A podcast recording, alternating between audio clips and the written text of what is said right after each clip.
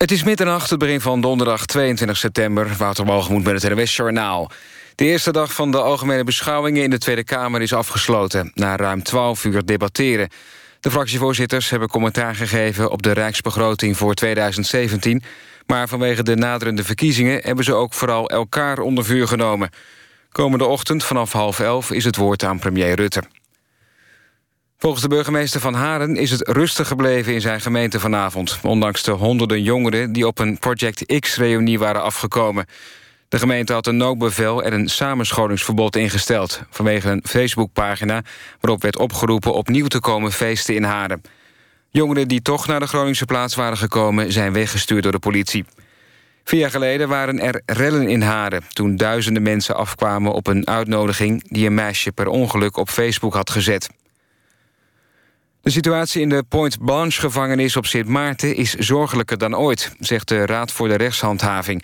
Geweld tussen gedetineerden is aan de orde van de dag.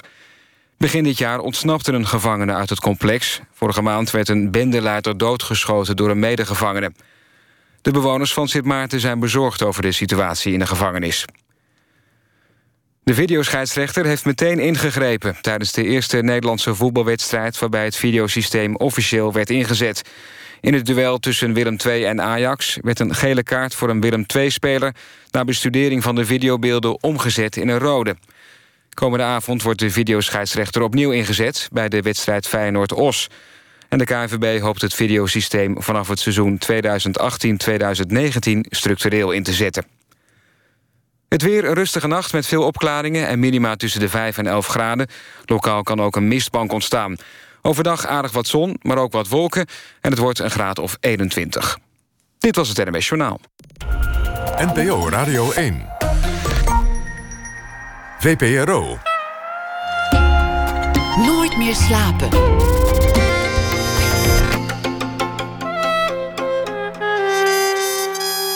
Met Pieter van der Wielen.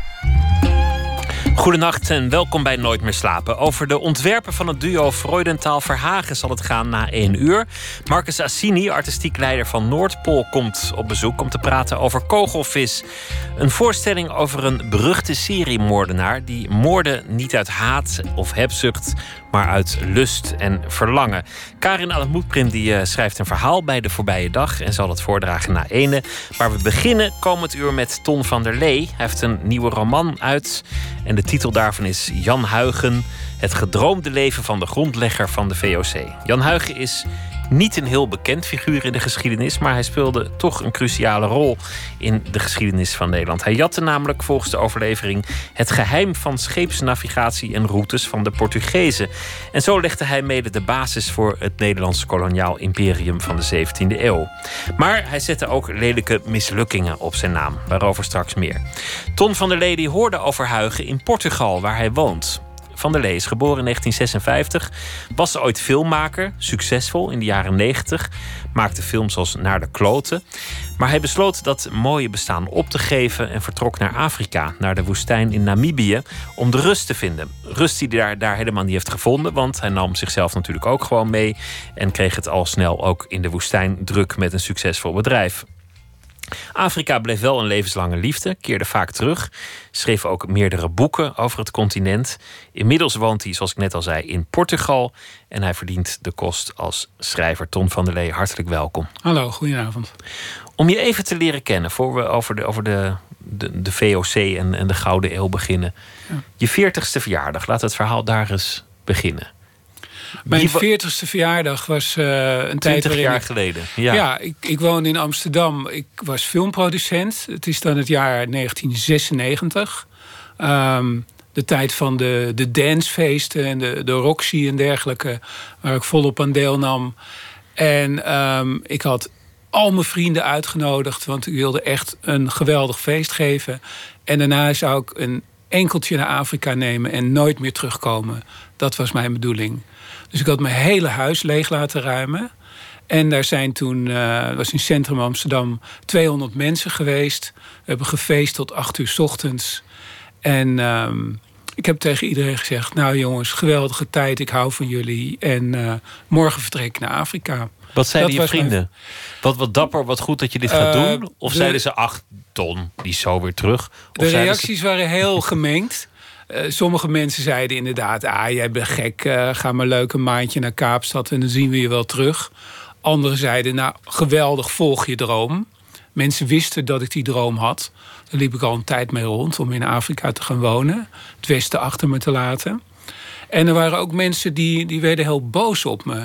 Die vonden het onverantwoord. van, uh, je hebt toch een mooi bedrijf... en je hebt al je vrienden en je familie... laat je allemaal zomaar achter. Hoe kan je dat nou doen? Nou, uiteindelijk uh, heb ik al die reacties uh, verwerkt... en is erop neergekomen dat ik een half jaar later vertrokken ben. En uiteindelijk twaalf jaar in Afrika ben gebleven. Wat was het? Want je, want je had het voor elkaar. Je, je, was een succesvol filmproducent. Mensen vonden je werk mooi.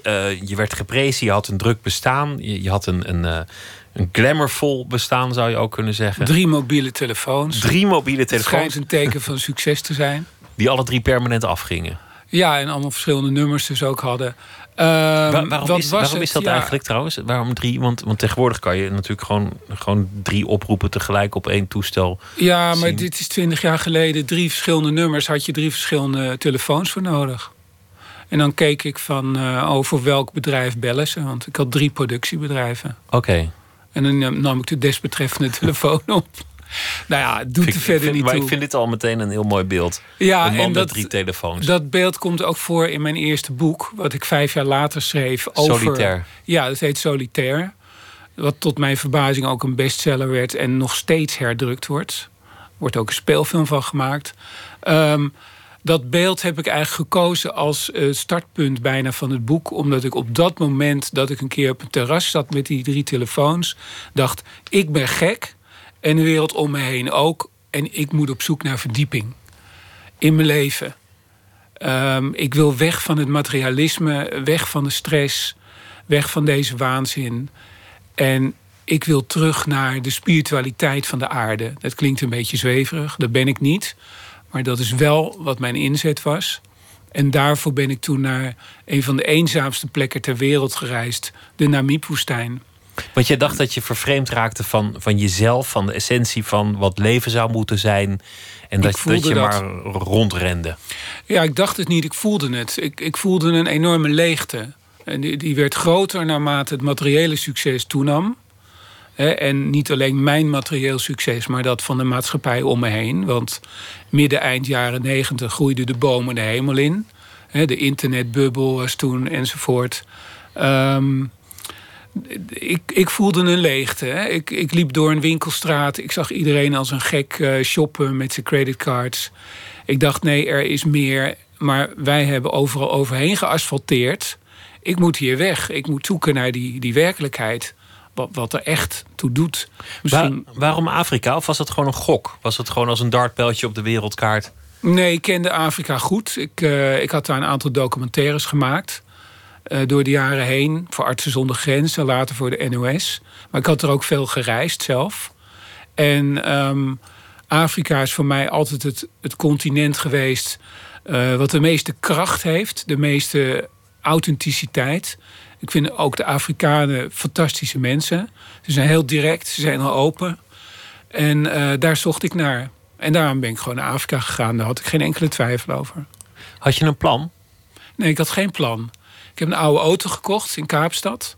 En ik ben gaan rijden naar het noorden. Want naar het zuiden kan niet vanuit Kaapstad. En ik dacht, nou, ik zie wel waar ik uitkom. Ik wilde alleen zo lang mogelijk wegblijven. Met het geld wat ik bij me had. Wat niet zo heel veel was, maar goed. Um, en toen ben ik na een maand of twee terechtgekomen... in het midden van een woestijn. De Namib-woestijn. In Namibië. In het plaatsje solitair, waar je, waar je eigenlijk ja. alleen maar wilde tanken. Je wilde eigenlijk alleen maar gewoon die, die auto ja. vullen en verder rijden. Alleen, het was helemaal geen plaatsje. Het was een kruispunt van twee onverharde wegen... waar uh, een zogenaamd een pompstation zou zijn, volgens de kaart. Maar dat bleken gewoon twee kerels te zijn die daar woonden. En die hadden een klein winkeltje. En die hadden twee vaten met zo'n handpomp. Nou, daar kon je dan je auto mee vol pompen. Krik, krik, krik.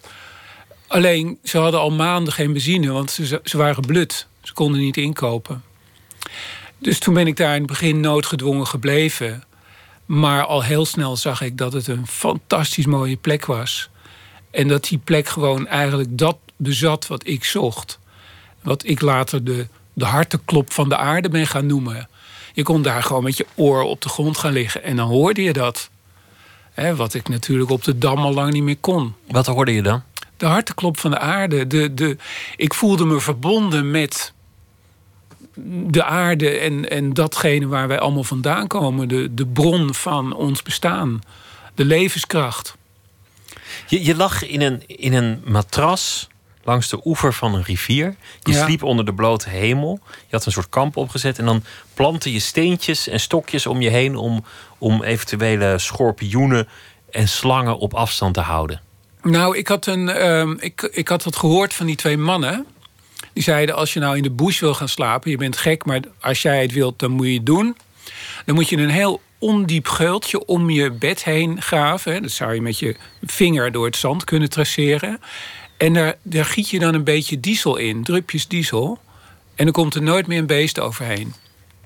En dat heb ik gedaan. En, dat, heeft gewerkt? Ja, daarom zit ik hier nog. Maar dan hecht je niet aan comfort. Dat is al één ding wat ik nu over jou weet. Nee, zeker niet. Nee, ik vond het heerlijk. Voelde me de koning te rijk. Beter dan de beste suite om onder de sterrenhemel te liggen. Je begon daar een bedrijf. Ehm, dat bedrijf werd succesvol. Jullie trokken toeristen aan. En eigenlijk, en dat, dat vind, ik, vind ik zo mooi aan dat verhaal, loop je op dezelfde manier vast als je in Europa deed. Je hebt je eigen glazen ingegooid, want je hebt gewoon jezelf meegenomen. Die onrust die zit in jou. Waar je ook ter wereld was gegaan, het was hetzelfde gelopen. Nou, dat Uiteindelijk, is dus je eindigt toch wel met drie mobieltjes. Nou, het is de ironie in dat je inderdaad jezelf meeneemt. En dat ik dat toen nog niet geleerd had. En dus ik heb daar de fout gemaakt dat ik toch weer mijn westerse zelf heb laten domineren. En inderdaad, ik ben een camping begonnen en een restaurant. Waardoor er heel veel toeristen kwamen. En dat idyllische paradijsje opeens overlopen werd door, door bussen en toeristen. Maar toen ik later, drie jaar later, dus daar vertrokken ben en verder in Afrika ben uh, gaan leven, heb ik die fout niet nog een keer gemaakt. Dus ik kon gelukkig wel leren van uh, mijn fouten. Het is een andere manier van denken. Dat, dat vind ik mooi aan, aan, het, aan het reizen. Dat je niet alleen naar een andere plek gaat of een andere cultuur, maar een heel ander wereldbeeld om je heen ervaart van mensen. Dat beschrijf jij op, op verschillende plekken in jouw boeken.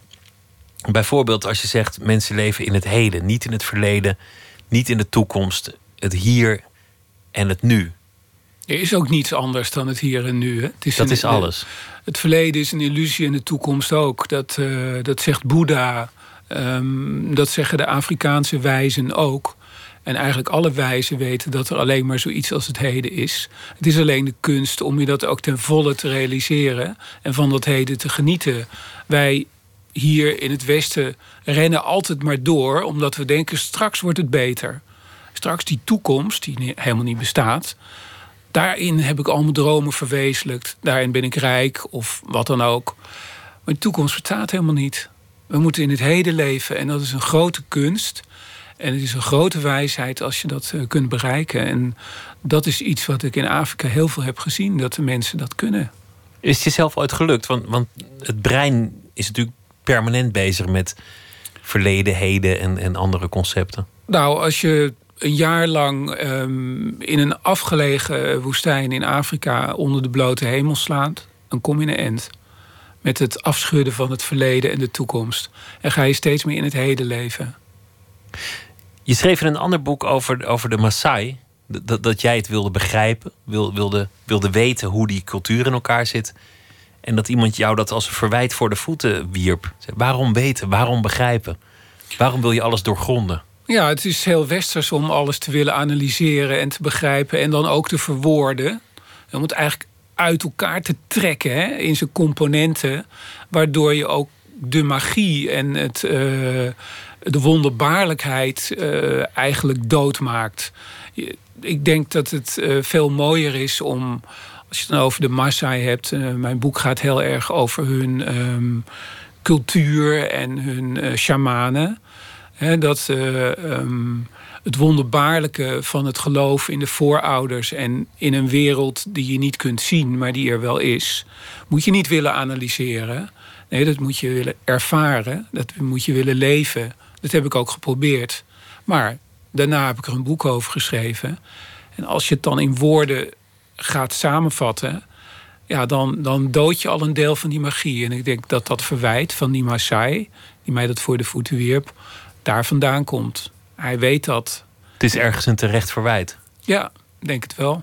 Wij willen altijd maar vastleggen. Hè. We willen filmen, we willen beschrijven, we willen documenteren. Dat is ook weer heel westers. Mensen vragen wel eens: hoe kan het nou dat het Westen en natuurlijk ook het Oosten um, al zoveel duizenden jaren geschriften heeft en alles heeft opgeschreven en in Afrika niet? Nou, dat is denk ik omdat de Afrikanen zo wijs zijn geweest om al heel vroeg te begrijpen het gaat niet om het analyseren en het vastleggen, want dat is maar zo'n klein deeltje van de echte ervaring. Het gaat om het ervaren zelf. Idealiseer je het? Nee, ik denk dat ik na um, nou, nu 30 jaar reizen en leven in Afrika wel redelijk kan inzien wat de krachten en de zwakheden van Afrika zijn. En we hebben het nu uh, gehad over de krachten. dat, het, het weten te leven in het heden, het aanvaarden van de magie van het bestaan, van de werkelijkheid en ook wat er achter die werkelijkheid ligt. Maar ik ben me ook bewust van uh, de zwakheden van Afrika. Dus ik idealiseer het niet, nee. Je, je ziet het gewoon zoals het is en, en jij houdt ervan. Jij, jij zocht er iets voor jezelf wat je daar vond. Ja. Ik heb er veel geleerd.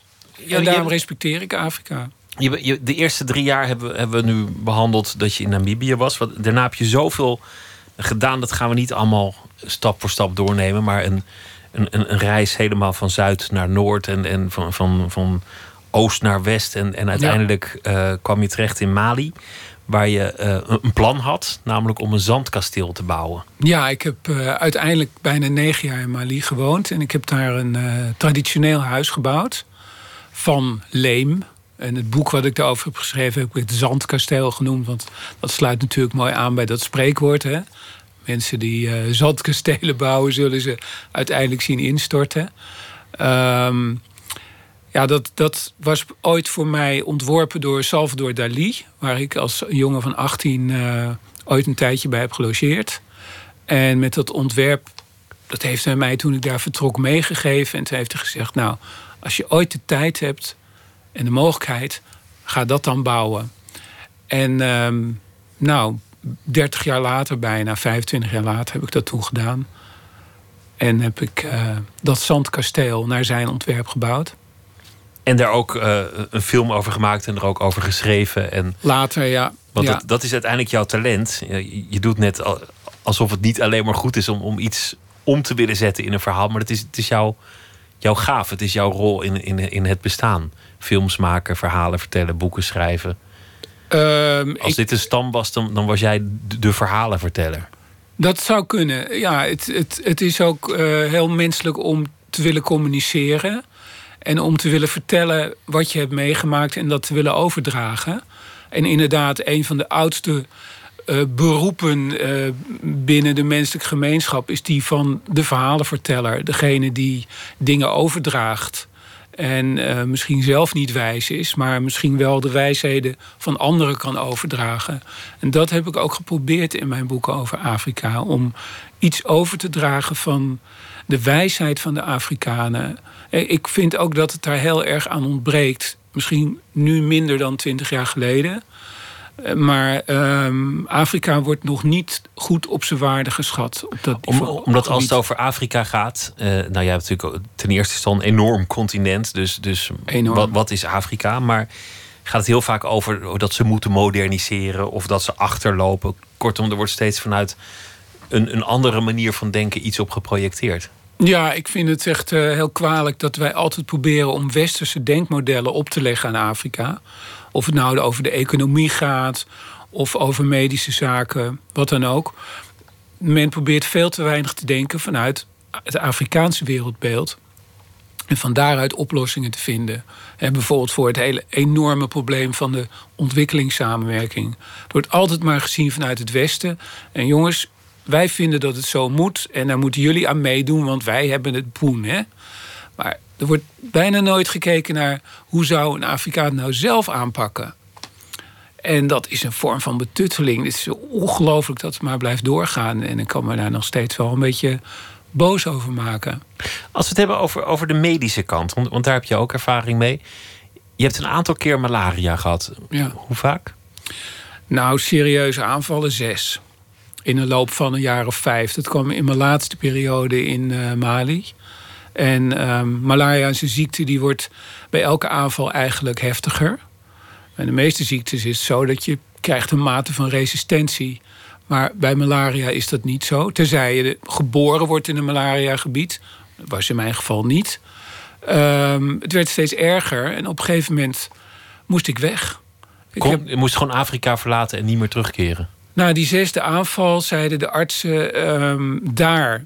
die zeiden tegen mij... nou, als jij hier wil blijven, dan moet jij het vooral doen... maar dan ben je binnenkort dood. Dan zul je sterven in Afrika en snel. Ik ben toen teruggekeerd naar Nederland. Ik weet nog heel goed, het was oudejaarsavond. Ik heb staan huilen op het vliegveld, op mijn eentje. Uh, toen ben ik hier naar het AMC gegaan. Daar kwam ik aan om twee uur s ochtends of zo. En die vrouw die mij daar toen behandeld heeft, die trooparts, die zei het ook. Ja, als je hiermee doorgaat, dan maak je het niet lang meer. Want uh, je bent echt een uh, serieus malaria geval. Wat heb je allemaal geprobeerd? Want je, je hebt natuurlijk de, de westerse geneeswijze, maar je zei net ook, je moet ook respect hebben voor de, de, de Afrikaanse manier van kijken. Heb je medicijnmannen bezocht en, ja, ik heb, shamanisme? Uh, ik had toen al um, een hele pelgrimstocht ondernomen van, van uh, bijna een jaar naar een uh, wijze man in een afgelegen hoek van de woestijn. Daar heb ik ook een boek over geschreven, De Dans van de Geesten. Um, daar heb ik ook allerlei rituelen meegemaakt, shamanistische rituelen, om van die ziekte af te komen. En ik heb me daarna ook een tijd heel goed gevoeld. Maar de malaria is daarna toch weer teruggekomen. Dus je moest, je moest het achterlaten, dat continent? Ja, ik heb het moeten achterlaten. En um, dat wil zeggen, ik ga nog steeds naar Afrika, maar dan bij korte periodes, drie, vier weken. Langer kan niet, tot mijn grote verdriet. Waarom kan het niet langer? Want, want je zou zeggen, malaria, je wordt geprikt, je krijgt het en... en ja, maar dat kan je niet te vaak doen, want de behandeling is echt slecht voor je. de de antimalaria drugs, die zijn gewoon slecht voor je lever, voor je ogen. Als je dat vaak uh, krijgt, dan uh, tasten die dingen dus aan. En dan is het medicijn bijna erger dan de kwaal. Dus op langere termijn is het echt een hele moeilijke zaak. Het lot heeft bepaald. Afrika, dat was niet meer jouw continent. Hoe kwam je in Portugal terecht? Ik ben eigenlijk in Portugal terechtgekomen omdat ik het. Ik had het grote geluk dat. Ik was nog niet lang terug uit Afrika en toen ontmoette ik een geweldige Nederlandse vrouw. Hier. Ik kwam natuurlijk weer terug in Nederland, want ja, daar kwam ik vandaan. En uh, zij had heel veel met Portugal. Zij heeft mij meegenomen naar Portugal. En toen heb ik gedacht, nou, dit is een fantastische plek om te gaan wonen. Uh, ik vond Nederland wel uh, heel moeilijk om, om weer in terug te komen. Om allerlei redenen. Het klimaat en eigenlijk de dingen waar ik voor uh, was weggegaan... waren alleen nog maar erger geworden. Het stressniveau, de vervuiling, het materialisme. En het platteland van Portugal is eigenlijk een hele goede middenweg tussen Afrika en Nederland. Het ligt ook, nou ja, halverwege wil ik zeggen. wel, als je naar Mali kijkt wel. Ligt het ongeveer halverwege, ja. We moeten het zo uh, maar gaan hebben over uh, het heden. En ja. dat, dat, heden ligt ook in het verleden. Je, je, boek over Jan Huigen. Maar eerst ook maar muziek toch uit uh, Mali van een echtpaar... dat elkaar heeft ontmoet op de blindenschool van Bamako. Ja. Heel succesvol geworden in in Europa Amadou en Mariam met Mbife. Mariam et Amadou, bonjour, ça va bien? Comment allez-vous?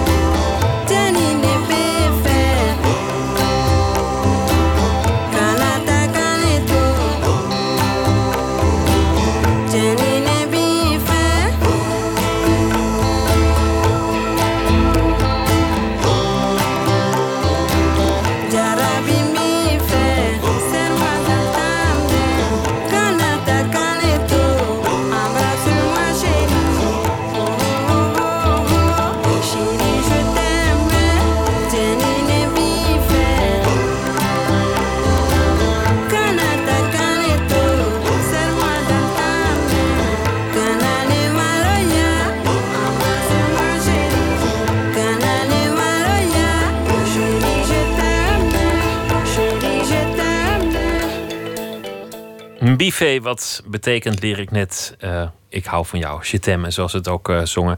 Amadou en Mariam waren dat uit Mali. Jan Huigen zit tegenover me. Je bent al een, een flinke tijd weg uit uh, Afrika.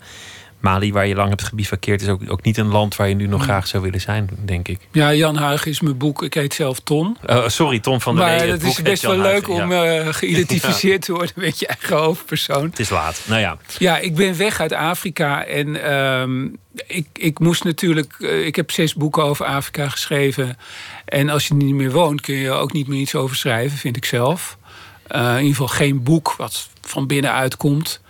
Dus ik moest iets nieuws vinden, want ik wilde wel blijven schrijven. En toen um, heb ik een poging ondernomen om een boek te schrijven in het genre wat ik zelf graag lees: de historische roman.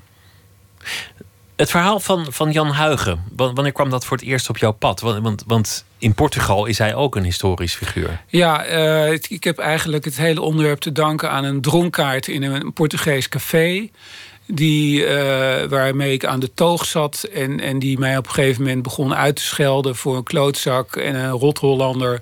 Want uh, jullie, jullie zijn de schuld van het feit dat Portugal haar rijkdom kwijt is geraakt. Nou, daar stond ik even van te kijken. Normaal zijn de Portugezen eigenlijk super aardig hoor. Begrijp me goed. Dit was een uitzondering, kwaaie dronk. Toen ben ik dat gaan uitzoeken. Wat bedoelt deze man? En toen ben ik achter dat idiote verhaal van die Jan Huigen gekomen, die inderdaad de geheimen van de Portugese routes naar de oost, waar zij rijk van waren geworden in de 15e eeuw, heeft gestolen, mee heeft genomen naar Nederland. En met die geheime routes heeft de voorloper van de VOC haar eerste expeditie uitgerust, Cornelis de Houtman, naar Indië. En zo is het allemaal begonnen. En 30 jaar later uh, werden de grachten hier uh, volgeplemd met, met grachtenpanden. Allemaal dankzij deze Jan Huigen. Want ooit was, was Portugal de grote zeevarende natie van de, de ontdekkingsreizigers. En was dat het grote handelsimperium met hun fantastische scheepsbouw, hun snelste boten, ja. hun beste kapiteins, hun mooiste navigatiesystemen. Uh, ja. Spanje was uh, heer en meester in Europa. Nederland was een, een, een ja, een kolonie van, van, van Spanje, zou je kunnen zeggen. Deel van het grote rijk. Nederland bestond helemaal niet. De Nederlandse provincies die wilden zich afzonderen. De, de, de opstand was begonnen. Ja. En in die tijd moet, moet je dit zien. Jan Huigen was een Nederlander die werkte voor de vloot van Portugal. Ja, hij, is, uh, hij was een jongen uh, uit Enkhuizen. En hij, uh, hij, was zoon van een herbergier. Enkhuizen was een van de eerste plaatsen die zich tegen de Spanjaarden keerden. En um, hij is op avontuur gegaan, zoals veel jongens van 16, denk ik. Um, dat sprak mij ook heel erg aan. Dat, dat uh, op avontuur gaan, op reis gaan. En hij is terechtgekomen in uh, Lissabon. En daar is hij aangemonsterd op een vloot naar India. Op dat moment waren de Portugezen de enigen die wisten hoe je daar moest komen. Je kunt niet zomaar naar het zuiden varen rond de Kaap hè, met een zeilschip zoals het vroeger ging. En dan koers zetten naar India. Nee, er is een hele specifieke route. Je moet eerst oversteken naar Brazilië, dan langs de Zuid-Amerikaanse kust. En dan op de Passaat oversteken naar de Kaap. En dan kun je naar India. En de Portugezen wisten als enige precies waar en wanneer je moest keren, welke winden je moest pakken. Hij heeft dat allemaal meegemaakt als scheepsjongen. Hij heeft het allemaal opgeschreven. Hij heeft daarna vijf jaar in India gewerkt, omdat hij Latijn beheerste en Portugees als uh, secretaris van de aartsbisschop. Hij heeft allerlei geheime archieven zitten kopiëren, stiekem. En daar is hij mee teruggegaan naar Nederland. En zo had Nederland ook ineens de, de, de goede routes naar de oost. En kon, kon het, het ja. grote Nederlandse koloniale rijk daar ook uh, ja. gesticht worden. Wat ben jij feitelijk te weten gekomen over Jan Huigen? Want het is, het, het is niet een heel beroemd figuur geworden. Nee, en ik neem aan dat er ook niet enorm veel materiaal bewaard is gebleven over de man zelf. Nee, hij is eigenlijk vergeten, kan je wel zeggen. Um, er is enig wetenschappelijke studie naar hem gedaan. Dus daar zijn wat bronnen over. En natuurlijk is er zijn eigen journaal. Het journaal van Jan Huigen is uitgegeven nog tijdens zijn leven. Hij is dus teruggekomen. Hij heeft al zijn aantekeningen is allemaal gepubliceerd in één prachtige band. Het Itinerario heet zijn journaal. En dat is toen meteen ook een bestseller geworden. Omdat iedereen wilde wel weten hoe je naar India moest. Uh, dus dat journaal van Jan Huigen is een primaire bron die heel boeiend is. Hij is daarmee ook de eerste Nederlandse reisschrijver. Zeker de eerste die in het Nederlands werd gepubliceerd. En um, ik ben dus vooral uitgegaan van aan de ene kant dat journaal wat hij ons zelf vertelt. En wat, wat schrijft hij dan? Zijn het, zijn het echt routes en, en navigatieadviezen of zijn het ook avonturen? Het zijn uh, het, het boek, als we het zo mogen noemen. Ja, het is als boek gepubliceerd in uh, eh, 1596. Bestaat uit twee delen. Het ene deel zijn zijn persoonlijke avonturen. Daar vertelt hij dus over. Uh, ik ben in een land geweest waar iedereen zwart is en waar het zo heet is dat je niet in de zon kunt staan, want dan vlieg je in brand, zou ik maar zeggen. Um, en het andere deel is uh, inderdaad een, um, dat heet het reisgeschrift. En dat bestaat vooral uit navigatieaanwijzingen. En dat tweede deel heeft hij dus verkocht aan die groep kooplieden... die daarmee de eerste expeditie hebben uitgerust naar uh, Java. Hoe gaat zo'n navigatieadvies? Is, is het van uh, wacht tot de maan daar staat en je op de zoveelste graad uh, bent en, en dan uh, vijf uur varen en dan moet je bijsturen? Ja, het is, het is heel concreet. Um, het gaat dus bijvoorbeeld over de winden en wanneer die waaien. En bijvoorbeeld wanneer weet je dat je bij de Kaap bent, bij Kaap de Goede Hoop. Um, dat weet je als er bepaalde wieren in het water drijven. En daar geeft hij dan ook tekeningen van. En dat is het zogenaamde trompetwier. En dat is inderdaad een hele goede indicatie, nog steeds. Als je vlak bij de kaap bent, zie je die wieren drijven. En die zijn heel goed te herkennen. Hij zegt ook, je moet een bepaalde meeuwensoort zien. De mantelmeeuw is dat. Als je die ziet, weet je dat je ten zuidwesten van Kaap de Goede Hoop bent. En moet je dus de stevig naar het noorden keren. Um, maar hij geeft ook aanwijzingen heel specifiek over hoe je havens binnen moet lopen. He, uh, zorg dat de toren van het fort op één lijn is met de top van de vulkaan. En ga dan ten westen van het Rif de haven binnen. Zo specifiek is het.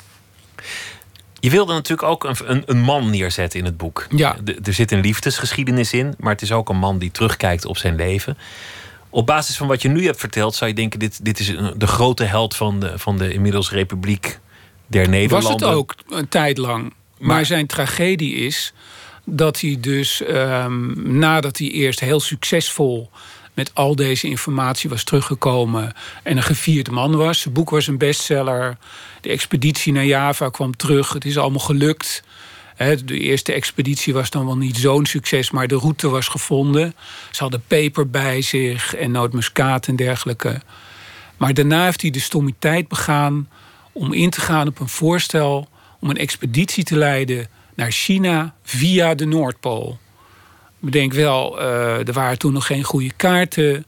Er waren allerlei gekke verhalen in omloop. Men dacht dat de Noordpool ijsvrij was omdat die dicht bij de zon was. Dat zou dus warm zijn. Dan kon je meteen doorvaren naar China. Hij heeft toen een aantal investeerders uit zijn geboorteplaats Enkhuizen... waar hij dus een gevierd man was inmiddels getrouwd was met de dochter van de burgemeester. Wat natuurlijk geweldig is als eenvoudige herbergierszoon. Heeft hij overgehaald om geld te stoppen in die expeditie. Het volslagen mislukking geworden. Willem Barends was er ook bij. Die bij de derde poging op Nova Zembla is gestrand. Um, en dat was zijn val. Hij is dus hoog gestegen en daarna diep gevallen. Want dat betekent, zo'n mislukte expeditie, dat er, dat er heel veel mensen failliet gaan. Dat, dat Iedereen er, was woest op hem. Dat er schande uh, over wordt gesproken natuurlijk. Misschien sterven er ook wel mensen onderweg. Zeker zijn er mensen overleden. En vooral de kooplieden uit Enkhuizen en Amsterdam... maar ook uit Zeeland die geld erin hadden gestoken... die waren hun geld kwijt. En die waren op hem en de andere expeditieleiders woedend. Dus zijn uh, status uh, was opeens eentje van ja, een mislukkeling, uh, bijna een bedrieger. Dat is volgens mij de, de, manier waarop hij nog het meest heeft overleefd in, in de Nederlandse geschiedschrijving, het liedje. Dat was uh, Jan Huigen, uh, Ton in Duigen. Wat was het ook al? Ja, Jan Huigen in de ton en de ton die viel in Duigen. Dat is een spotrijmpje. Nou, wat al bij zijn leven werd gezongen in de straten van Enkhuizen. Nou, dat moet je je voorstellen, dat is verschrikkelijk. En dat heeft al die jaren overleefd. En dat gaat er inderdaad over dat hij dus een grote mislukkeling is geweest. En eigenlijk is de tragedie van zijn leven ook dat hij de rest van zijn leven heeft geprobeerd om dat recht te zetten. En dat is niet gelukt.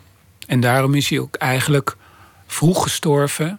We weten niet waaraan, maar ik denk zelf aan een gebroken hart. Of in ieder geval uit verdriet, teleurstelling en verbittering. En daar begint het werk van de schrijver. Want je, je hebt er echt een roman van gemaakt met een persoonlijke relatie die hij had met de kardinaal voor wie hij werkte in, in de Portugese tijd.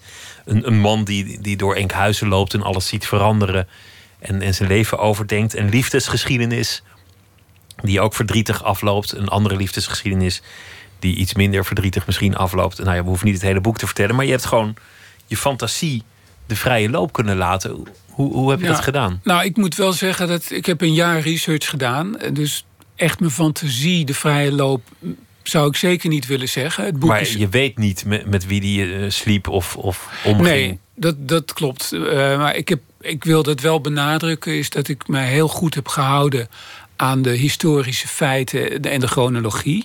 Dat vind ik erg belangrijk. En binnen dat raamwerk heb ik me een zekere mate van fictie veroorloofd. Dat wil zeggen dat ik heb dialogen geschreven op plekken waar we natuurlijk niet weten wat hij zei tegen mensen. En ik heb natuurlijk ingevuld de feiten die wij kennen. Dat hij getrouwd is met die burgemeestersdochter.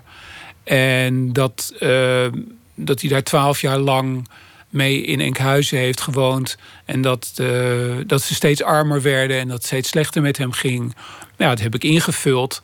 In die zin dat ik heb beschreven een, een huwelijk wat afkoelt. En, en wat steeds uh, minder goed begint te gaan. En een man en een vrouw die verbitterd en verwijderd van elkaar raken. Dus in die zin heb ik mijn fantasie wel gebruikt. Ik heb geprobeerd hem tot leven te wekken. Ik heb geprobeerd van een man die wij alleen maar kennen uit enkele geschiedkundige bronnen, een mens van vlees en bloed te maken. En een man die ondanks een relatief kleine verdienste een sleutelrol heeft gespeeld in de Nederlandse geschiedenis. Absoluut. Uh, zonder hem zou uh, Indië in ieder geval niet zo snel bereikt zijn. En zou de Gouden Eeuw niet zo snel zijn losgebarsten. Daar ben ik van overtuigd. En dat, dat kan je in de geschiedenis ook wel uh, aantonen. Dat, uh, dat echt wel dankzij hem is. Laten we gaan luisteren naar Tom Waits. Want een mensenziel, wat is het eigenlijk? Vroeg uh, de blueszanger Blind Willie Johnson zich al af in 1930 in het nummer The Soul of a Man. En er was een album opgedragen aan Johnson waar anderen zijn liederen uitvoeren, waaronder Tom Waits. En hier is Tom Waits met The Soul of a Man.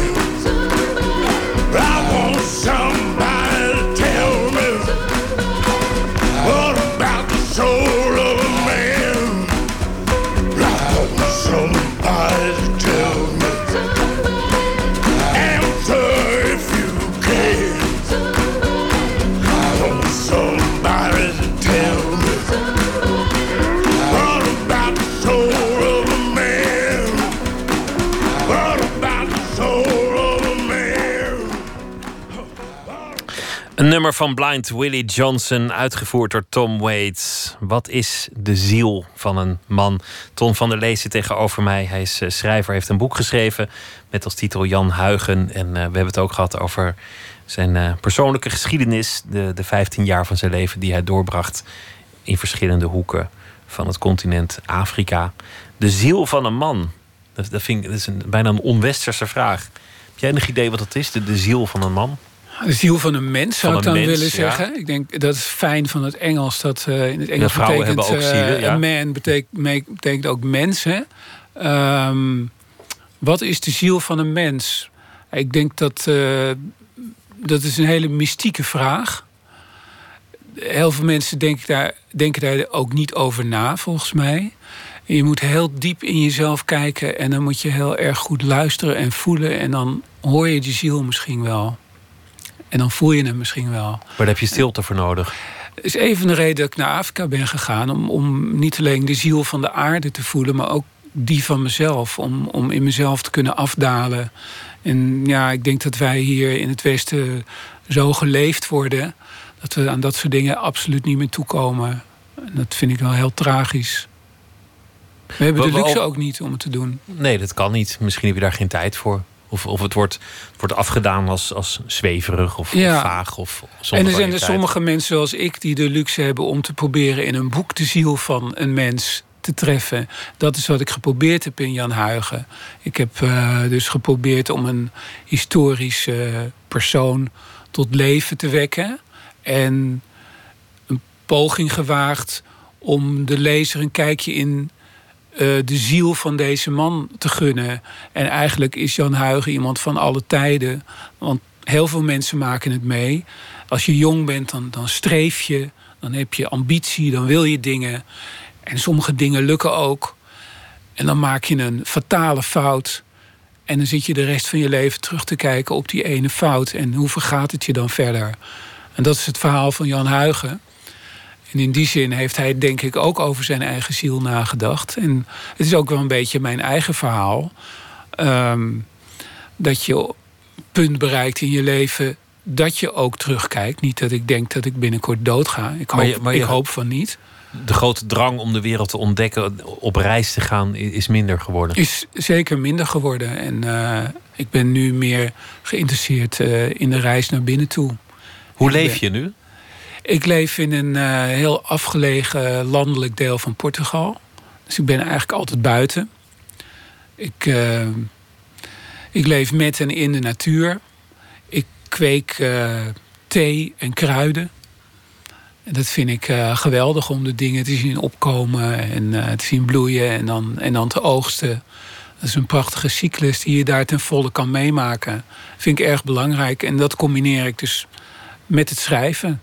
En dat is een uh, geweldig leven. We begonnen op je 40ste verjaardag. Een man met drie telefoontjes, succesvol. Hier in, in, de, in de jaren 90, jaren van grote feesten. Een glamourleven van een filmmaker met succes. Die vastliep en op zijn 40ste verjaardag afscheid nam van zijn vrienden. Sommigen begrepen het, anderen begrepen het niet. Mensen hadden er een mening over, maar jij dacht uiteindelijk: oké, ik, ik doe dit, ik ga. Je vertrok naar Afrika. Je wilde het hart van de aarde weer horen kloppen. Ja. Je raakte vervreemd van jezelf en van je ziel. En dus kwam je terecht in Namibië in de, in de woestijn, in het plaatsje Solitaire, waar je toen uh, bent blijven hangen na een uit de hand gelopen tankbeurtje, sliep onder de blote hemel. En daar kwam je toch dicht bij die harteklop van de aarde. Ja. Je bent daar uh, gebleven, maar liep toch vast omdat je je eigen glazen ingooide met succes.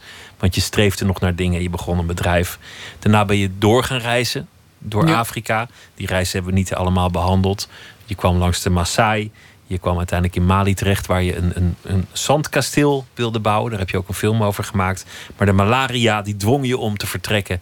En zo kwam je terecht via de liefde in Portugal. En daar ben je schrijver geworden, onder meer naast wa- wat je net vertelde, thee. En zo kwam ook het, eh, het boek van Jan Huigen via een, een dronkenlap die jou uitschold in een café. Dankzij Jan Huigen is niet Portugal, maar Nederland de grote zeevarende natie geworden. Ik heb net mijn hele leven in één minuut voorbij horen komen. Maar nee, want we hebben het helemaal niet gehad over, over, over het deel voor je veertigste. Nou, hoe- Ja. nou hoeft dat misschien ook niet, want, want misschien is dat niet meer relevant. Maar een van de projecten die, die, de, die de laatste jaren op jouw pad is gekomen, dat, dat gaat over Dick Trom, ja, eh, de, het kinderboekenpersonage. Jij bent de achterkleinzoon van, van Kievit, Johan Kievit, de, de Ja. oorspronkelijke schrijver van dit kinderboek ja. van, van Dick is of de eh, hele reeks. Het is Kiviet overigens. Twee Ja. keer met IE.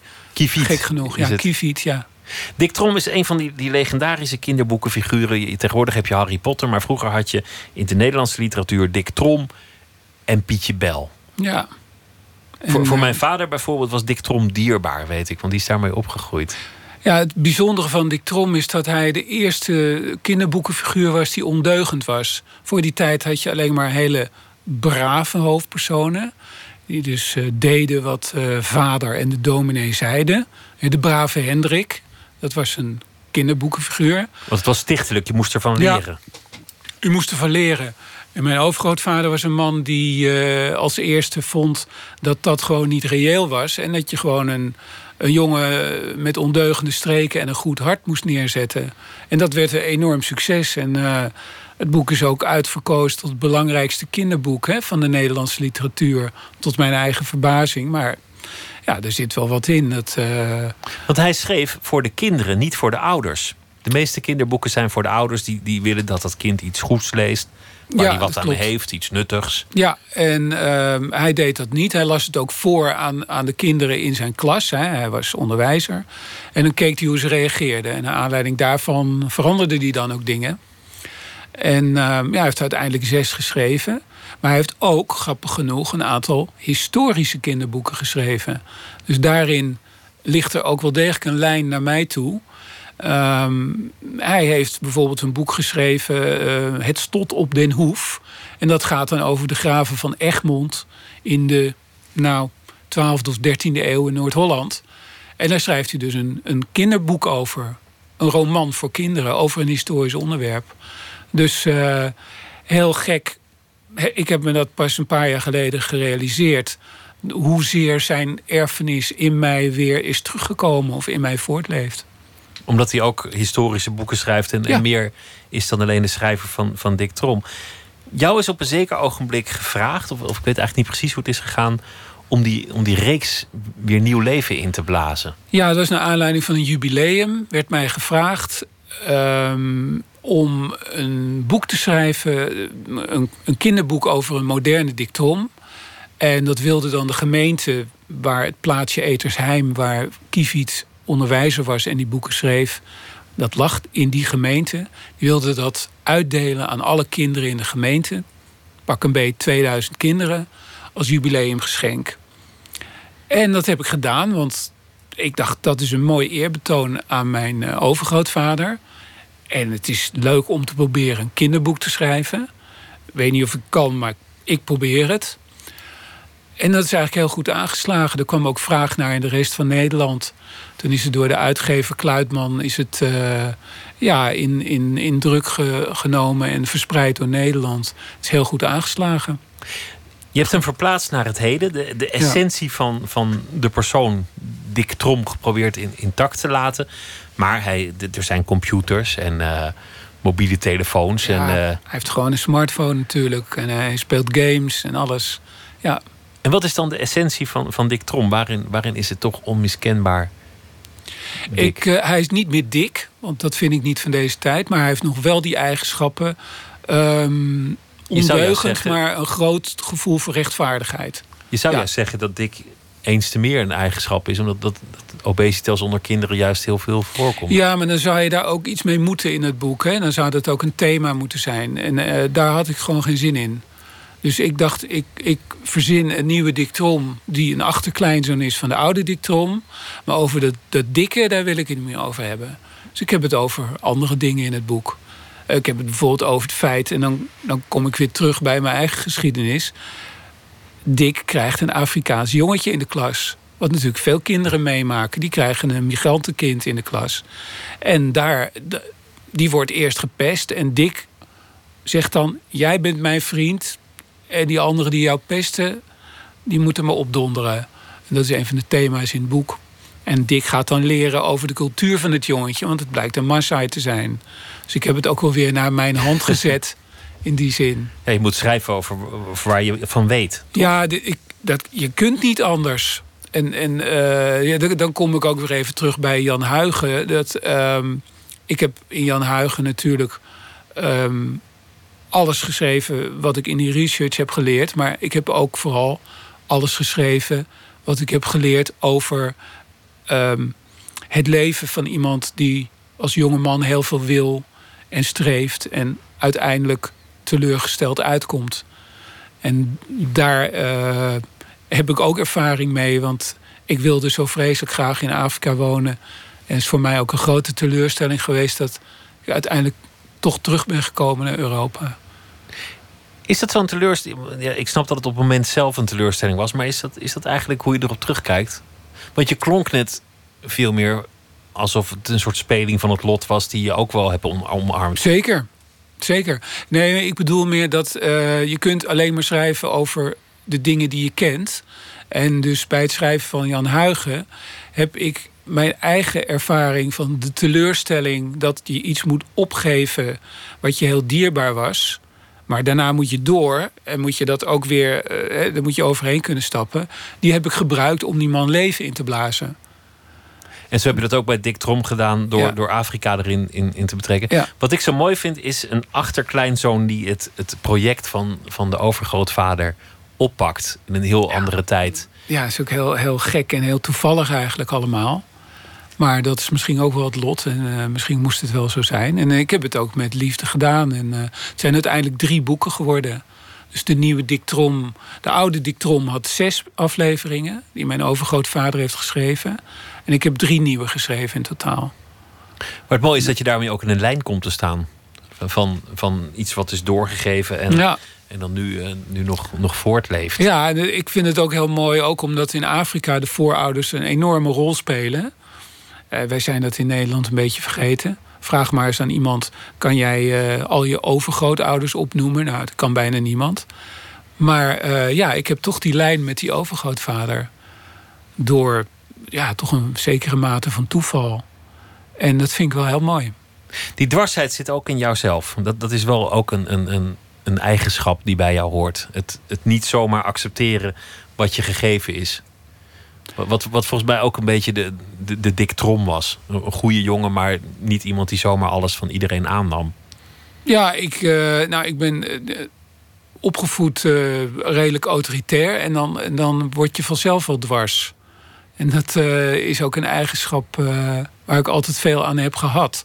Om, om, om dus niet zomaar te accepteren wat, wat je geboden wordt, maar te zeggen: nee, ik wil het anders of ik wil meer. En um, Dick Trom heeft dat in zekere zin ook. Die gaat ook zijn eigen weg.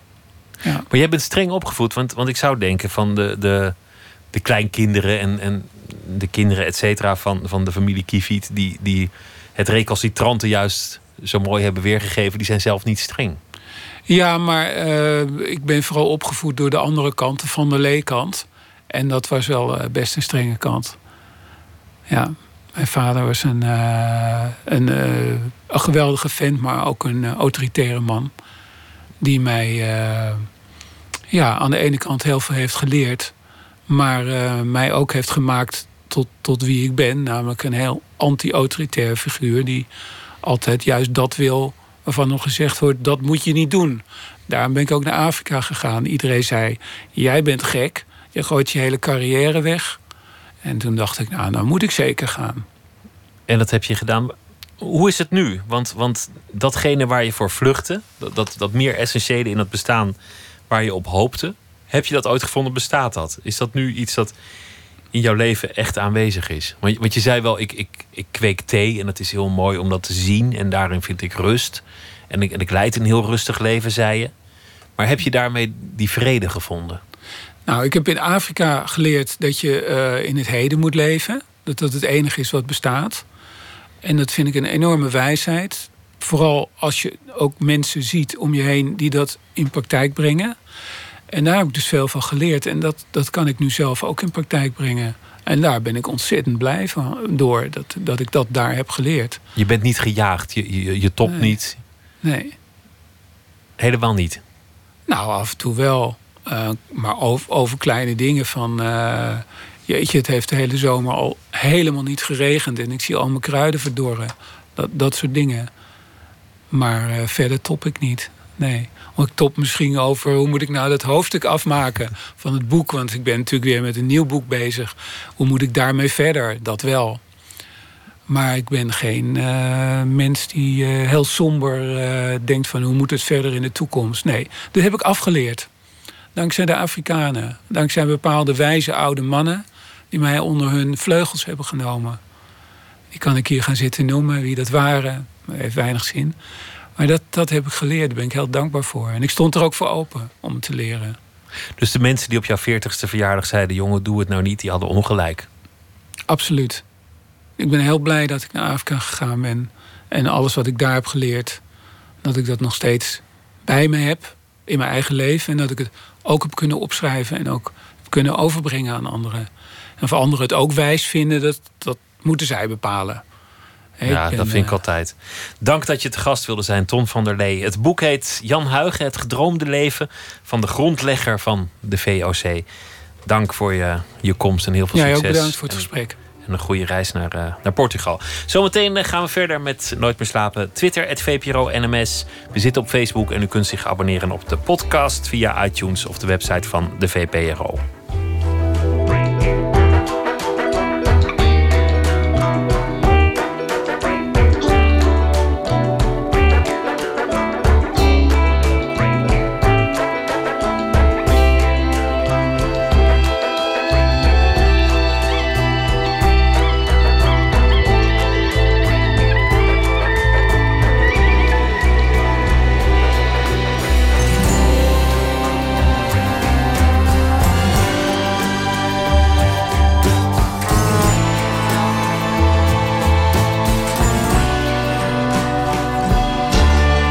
Radio 1. Het nieuws van alle kanten.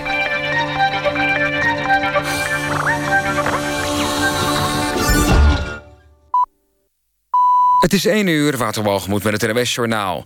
De Zaandamse vlogger die met een groepje vrienden overlast veroorzaakte... bij een winkelcentrum in Zaandam... heeft op Facebook zijn excuses aangeboden. De vlogger noemt zijn gedrag nu dom... en zegt dat hij sommige dingen beter niet online had kunnen zetten. De 19-jarige Zaandammer bedreigde ook een raadslid. Hij kwam vrijdag vrij nadat hij een paar dagen in de cel had gezeten vanwege opruiing. Volgens de burgemeester van Haren is het rustig gebleven in zijn gemeente gisteravond... ondanks de honderden jongeren die op een Project X-reunie waren afgekomen. De gemeente had een samenscholingsverbod ingesteld vanwege een Facebookpagina... waarop werd opgeroepen opnieuw te komen feesten in Haren. Vier jaar geleden waren er rellen toen er duizenden mensen afkwamen op een Facebook-uitnodiging. De Congolese president Kabila roept zijn volk op kalm te blijven. In een, pardon, in een verklaring reageert hij op rellen de afgelopen dagen... in de hoofdstad Kinshasa, waarbij tientallen mensen omkwamen. Kabila laat weten dat hij diep geraakt is.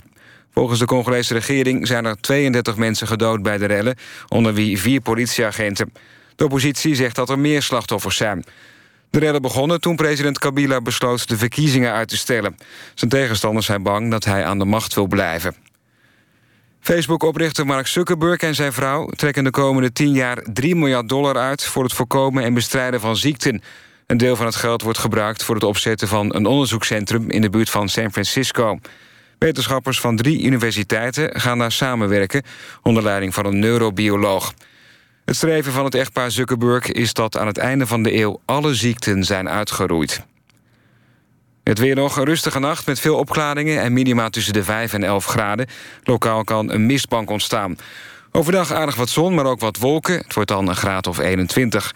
Vrijdag is er kans op een buitje, maar ook dan schijnt de zon geregeld.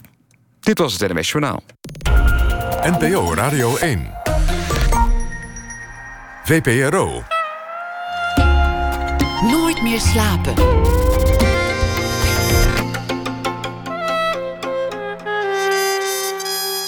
Met Pieter van der Wielen.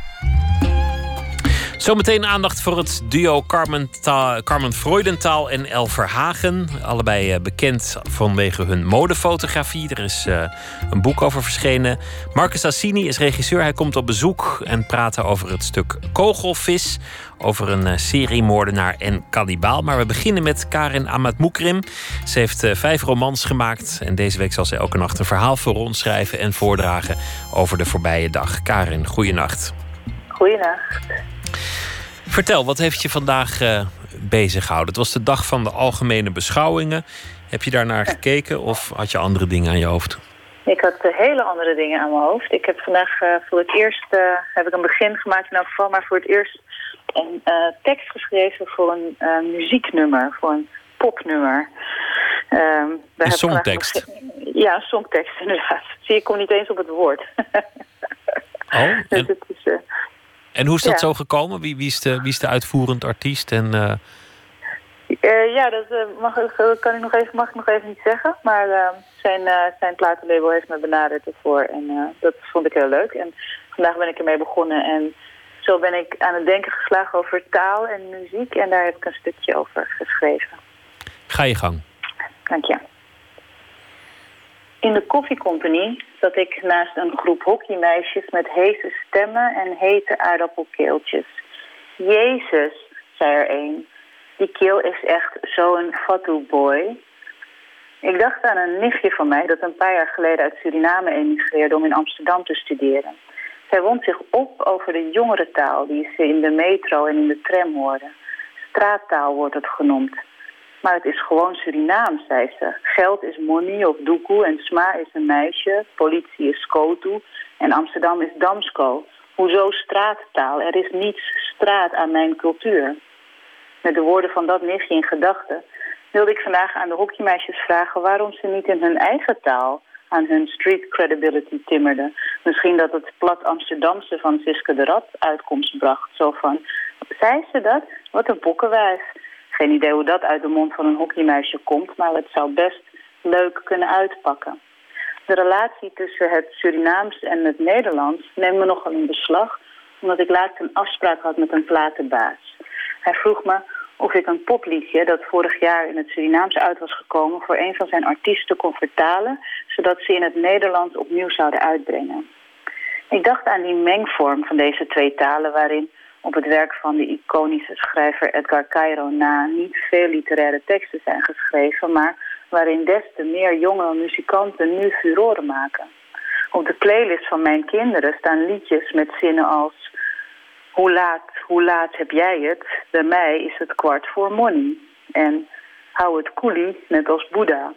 En de favoriet bij ons thuis? Jouw bil is een krokodil, hap, hap met je krokobil. Ik hou van het Surinaams-Nederlands. Het is ad rem en grappig, scherp en recht uit het hart. Dat is iets wat de jeugd zoekt en ze vinden het in die taal. Ik snap heus wel waarom het zo'n geliefd vocabulaire is bij de hele Amsterdamse jeugd. En ik had meteen goesting in die vertaalklus. Helemaal toen een vriend me belde en vroeg of we konden afspreken in de bar van het Krasnapolski Hotel. Kras noemde hij het. Kras, herhaalde ik. Kras betekent geil in het Surinaams. Dat wist hij niet, maar hij is dan ook een Marokkaan, dus aanrekenen zal ik het hem niet. Dat mot, het motto van die ene reisorganisatie, u weet wel, die van de wereld is kras, kwam zo wel voor hem in een heel ander licht te staan. Net als de slogan die ik net nog op televisie hoorde. Een reclamespot voor een soort yoghurt uit IJsland. Ik begin de dag skeer, zei de voice-over met blije stem. Jij misschien, dacht ik. Bij mij is het kwart voor money. Goh, dat wist ik ook niet. De, de betekenis van het woord kras. Ja, dat, dat, dacht, dat dacht ik al dat je dat niet wist. Nee, maar dat, dat, gaat een heleboel dingen veranderen. Want nu voortaan altijd als ik ergens het woord kras zie staan... dan, dan moet ik daaraan denken. Aan, aan hitsig, gel, opgewonden. En, en dan zal ik een glimlach op mijn gezicht hebben. Dus dat, uh, dat ben ik je erkentelijk. Daar ben ik je erkentelijk voor. Nou, dat vind ik mooi. Karen, dankjewel voor het, uh, voor het verhaal, de beschouwing over taal. Morgen weer een verhaal en voor nu een hele goede nacht. Dankjewel, jij ook. In januari van dit jaar was hij al een van de hoogtepunten in Groningen op Eurosonic Noorderslag. Sam Henshaw, een eh, Britse singer-songwriter van Nigeriaanse origine. Dit nummer staat op zijn laatste EP en het heet Night Calls.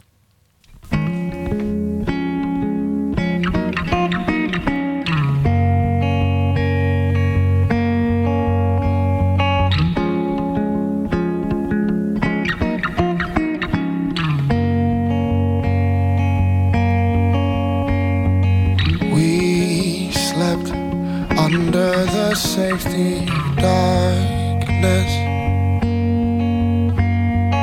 Relived moments I will never know.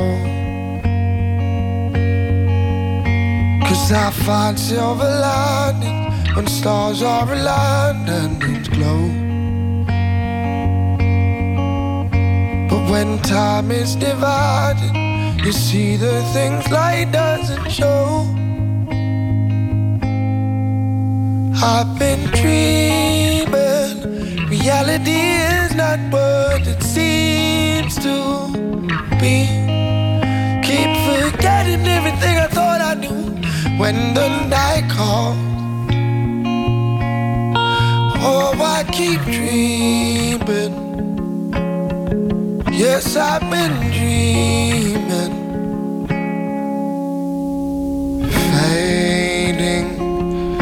Cautiously cautious, waiting for daylight to come and reclaim our poor souls. Cause I find silver linings when stars are aligned and moons glow. But when time is divided, you see the things like doesn't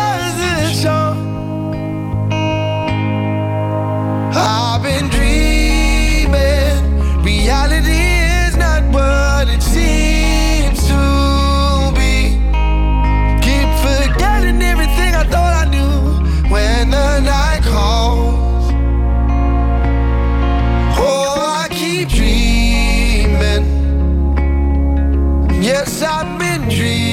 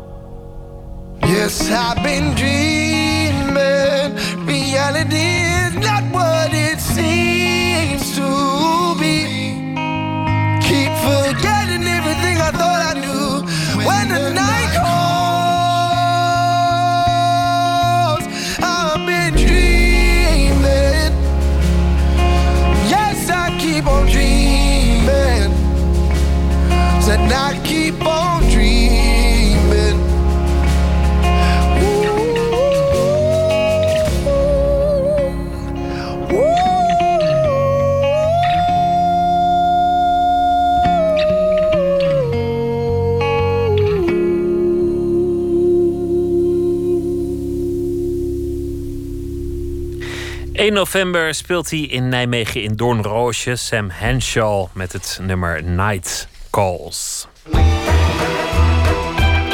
Nooit meer. De X-Bank is een eh, winkel met Nederlandse mode te vinden in het W. Dat is een hotel in Amsterdam. Een gebouw vol 19e-eeuwse grandeur. Met daarin veel strak hedendaags design. Vandaag werd in dat prachtige decor een boek gepresenteerd. met werk van het kunstenaarsduo Freudentaal Verhagen. Internationaal befaamd vanwege hun modefotografie. Stef Visjager die bezocht eerder deze week hun studio. waar Carmen Freudentaal en Elle Verhagen druk bezig waren met de voorbereidingen van de boekpresentatie en de expositie.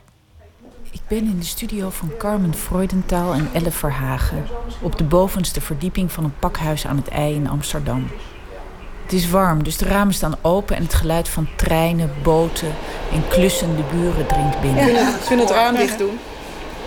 Uh, nou ja, nee, dit is jullie atelier ja, ja. met een trein. ja. Het is daags voor de presentatie van hun boek Hole, met daarin 25 jaar werk verzameld. Je kunt zeggen modefotografie, maar dat dekt niet helemaal de lading. Want ze zoeken juist grenzen op. 25 jaar werk in een paar zinnen samenvatten is lastig. Maar Elle Verhagen doet een poging. Nou, het zijn kleurrijke beelden, veelal. Pas de laatste maanden zijn we eigenlijk met zwart-wit bezig. Um, en de beelden zijn, het zijn heel vaak um, mensen. Het is altijd figuratief. Het is niet abstract. En het, ze zijn heel verhalend. er is altijd wel een, ja, een, een, bepaald gevoel. We doen ook heel veel met een beeld... wat we bijvoorbeeld weer knippen en weer opnieuw fotograferen. Of we doen collages, zodat je verschillende lagen over elkaar hebt. we printen bijvoorbeeld beelden op zijde... Zodat er uh, driedimensionale beelden kunnen ontstaan. Weet je, het beeld beweegt dan ook letterlijk. Toen Freudentaal Verhagen begon in de jaren 80, na de Rietveld, was modefotografie vooral glamorous. Mooie vrouwen, make-up, alles gladjes. En zij wilde een ander verhaal vertellen. In de uh, modefotografie van die tijd stond echt het kledingstuk heel erg centraal. En daar werd dan een vrouw bij gevonden die daarbij paste. En om een, om een kloppend plaatje te krijgen. Maar wij zijn eigenlijk altijd meer bezig geweest met ons eigen verhaal daar nog eens aan toe te voegen. Um, dus, dus het was niet alleen die jurk. Weet je, die vrouw die moest, die hoorde op een bepaalde plek thuis, in een, in een bepaald huis. Niet, niet in een studio op een, op een gelikte, gladde achtergrond. Dat, dat vonden we niet genoeg. De, de kleding was gewoon niet, niet het hoofdonderwerp in onze fotografie bedoel, op een gegeven moment hebben we een serie gemaakt. En, en ook weer omdat het alleen maar jonge vrouwen zijn die je zag op foto's, wilden we een serie maken met oudere vrouwen. Dus we hebben een aantal vrouwen uitgenodigd van een jaar of ik denk dat ze 40, 50 waren. Um, en dan wel kleding, bijzondere kleding. Ook weer kleding van ontwerpers die we heel goed vonden op dat moment. En, um, en die vrouwen ja, die hebben geposeerd in die kleding, maar achter zich. Dus we hebben een hele huiskamer niet gebouwd. Dat hebben we toen met collage gedaan. En die vrouwen die hebben achter zich een portret, een naaktportret van zichzelf. En, en een van die vrouwen had één borst. En dat wisten we niet. Ze kwam in de studio en ze, ze vond dat was echt een overwinning voor haarzelf natuurlijk... om op die manier op de foto te gaan. Dus dan krijg je iets heel extra's wat we eigenlijk helemaal niet verwacht hadden. En daardoor ja, nog een mooier verhaal. Um, dus die vrouw die geeft zichzelf letterlijk bloot natuurlijk. Dus voorin zie je haar in een prachtige jurk... en achter haar dan zichzelf in, eh, bloot.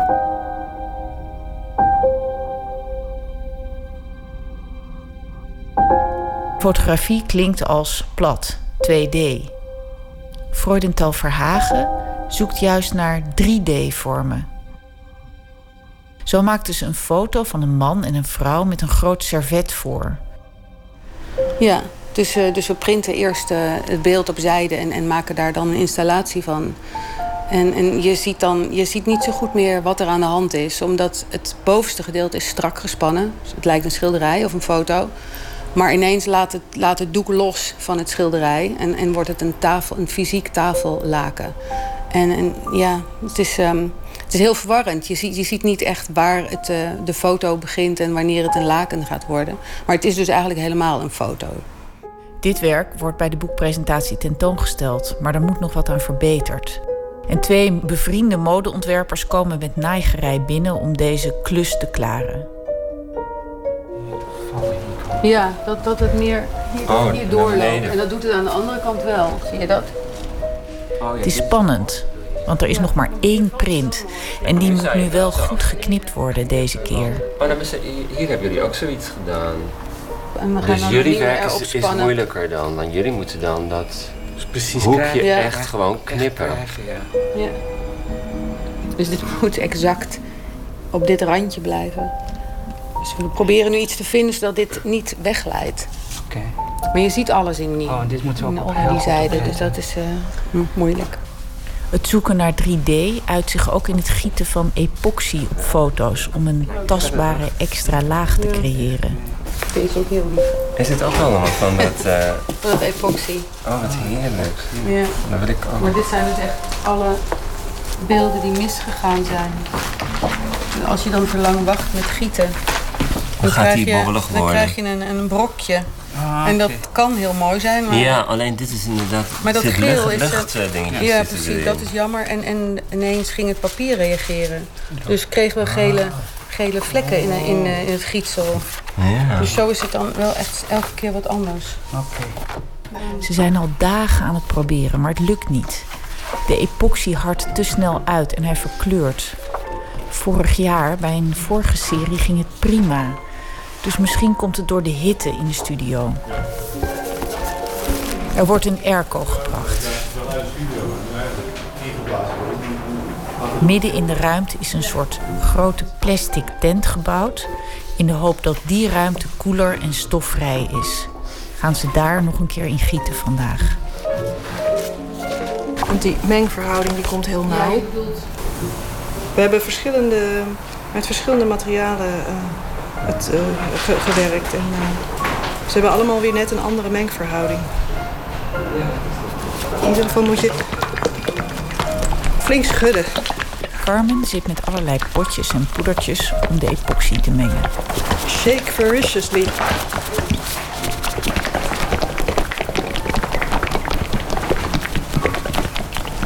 Nou, dan moet ik zo meteen natuurlijk ook nog snel een nieuwe print maken waar we op kunnen gieten. En die moet dan in de airco-ruimte. Stofvrije airco-ruimte? Ja, als het inderdaad iets met de warmte te maken heeft, het probleem wat we hebben, dan uh, moet de print misschien ook wel een soort van voorgekoeld worden. Uh, wat was de vraag? De vraag was, zijn jullie niet heel trots, zo 25 jaar? Ja, nou, ja zeker. En, uh, en, en er was natuurlijk ook de aanleiding om überhaupt aan dat boek te beginnen. Ehm, we hebben zoveel verschillende dingen gedaan. En dat ehm, zie je ook als je dat boek doorbladert. En het leuke is ehm, dat je al die verschillende dingen hebt... maar dat het toch een geheel blijkt te zijn. En daar refereert die, die titel natuurlijk ook aan. Dat het, het is een soort geheel beeld van ons uh, daarom natuurlijk als je zo'n jubileum hebt, dan, dan, dan, dan, uh, dan breng je alles bij elkaar. En dat uh, zo dus. Het duo Freudenthal-Verhagen is wereldberoemd geworden met deze een beetje ongemakkelijke modefotografie. Maar hoe zit dat nou met de opdrachtgever die zoveel mogelijk kleding wil verkopen? Die wil toch gewoon een mooi plaatje, een droom? Dat klopt helemaal wat je zegt. Dat is ook de reden waarom we uh, wel, we hebben heel veel modefoto's gemaakt voor uh, redactionele, voor, voor tijdschriften als redactioneel werk. En vooral in de tijd dat het economisch heel goed ging. Want dan, dan kan er heel veel. Dan vindt een, een, een, een um, lifestyle magazine vindt het wel uh, leuk. Want het, ja, het is interessanter om naar te kijken. Dingen die een beetje schuren.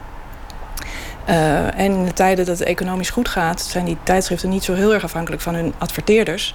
Maar op het moment dat dat allemaal belangrijker wordt en uh, het budget van de adverteerder of het product van een ontwerper, um, ja, daar zijn wij nooit echt veel voor gevraagd. Behalve dan bij echt hele leuke uh, ontwerpers, zo iemand als Bernard Wilhelm, die daar ook totaal niet over nadenkt. Die, uh, ja, die, die is heel succesvol, die is behoorlijk beroemd geworden, maar die heeft ook nooit een cent verdiend. Um, en dat, um, ja, dat is er blijkbaar aan elkaar gekoppeld. Maar we hebben daar nooit echt over na willen denken... of op die manier inderdaad uh, ons willen conformeren aan uh, de wens van de commerciële opdrachtgever.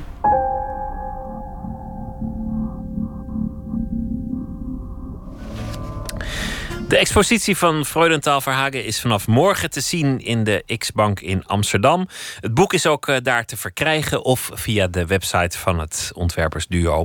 Een reportage was dat van Stef Visjager.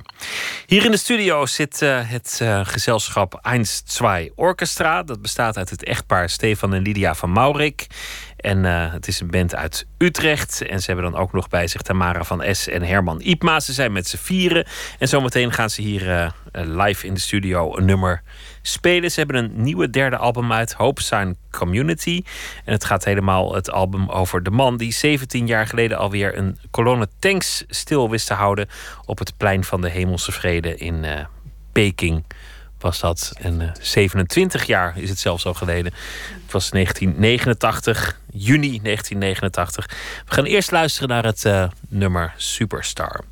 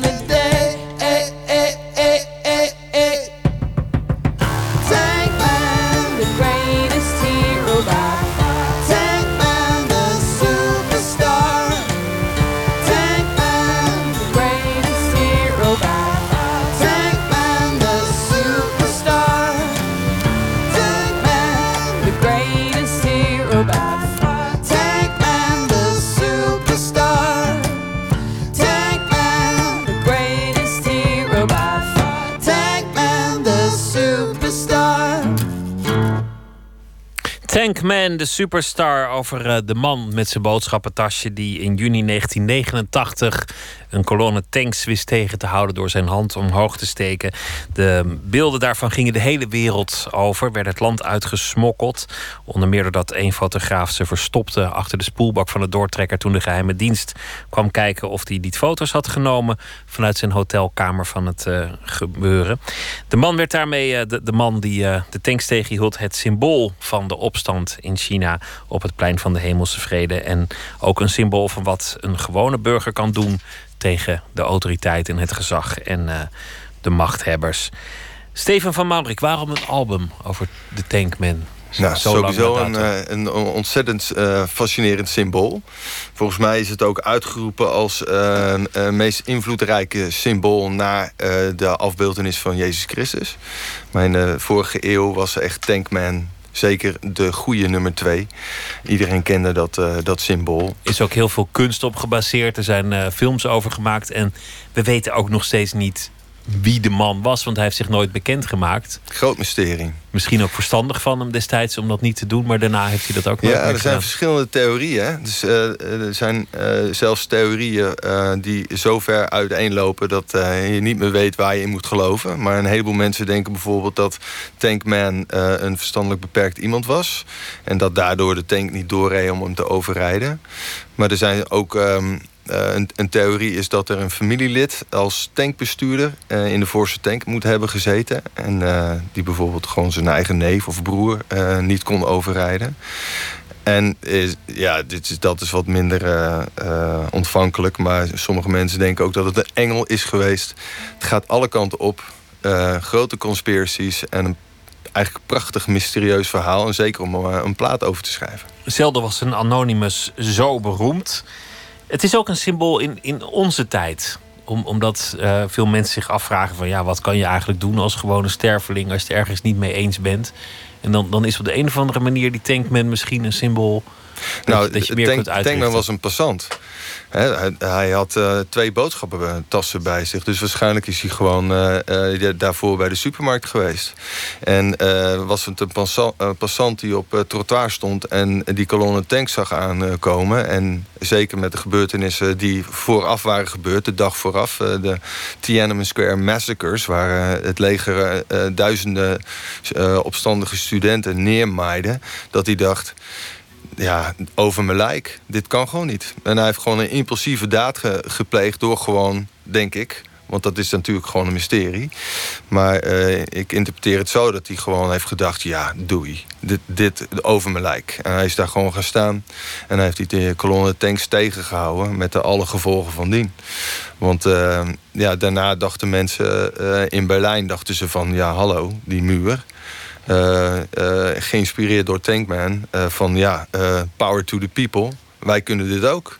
En ze denken zelfs ook dat de val van de Sovjet-Unie... toch echt wel begonnen is in, in Peking... toen hij voor die tank ging staan. En dat mensen dachten van... hé, hey, een normale sterveling kan dit ook. Het was het moment dat, dat de hele wereld voor het eerst dacht... misschien dat de verhoudingen wel helemaal niet zo vast liggen... als ze lijken te liggen. En misschien is verandering wel degelijk mogelijk. Zometeen nog een nummer van jullie eh, album over, over Tankman... eh, hier in de studio. Open kaart. De rubriek Open Kaart en de gast bepaalt zelf welke vragen worden gesteld aan de hand van 150 kaarten in een bak vol vragen over werk en leven. Regisseur Marcus Assini is de gast. Hij eh, kwam ooit uit Brazilië. Als jongetje mocht hij van zijn ouders niet op ballet, dus het werd toneel. Later, veel later, werd hij artistiek leider bij toneelgroep Oostpol. Maakte vele voorstellingen. De onrendabele They Are Just Kids en Lulu. 24 september een nieuw stuk in première Kogelvis. En dat gaat over eh, een seriemoordenaar, Jeffrey Dahmer, in de jaren 70. Hij verleidde jongens om seks met ze te hebben, ze vervolgens aan stukken te snijden en uiteindelijk zelfs op te eten.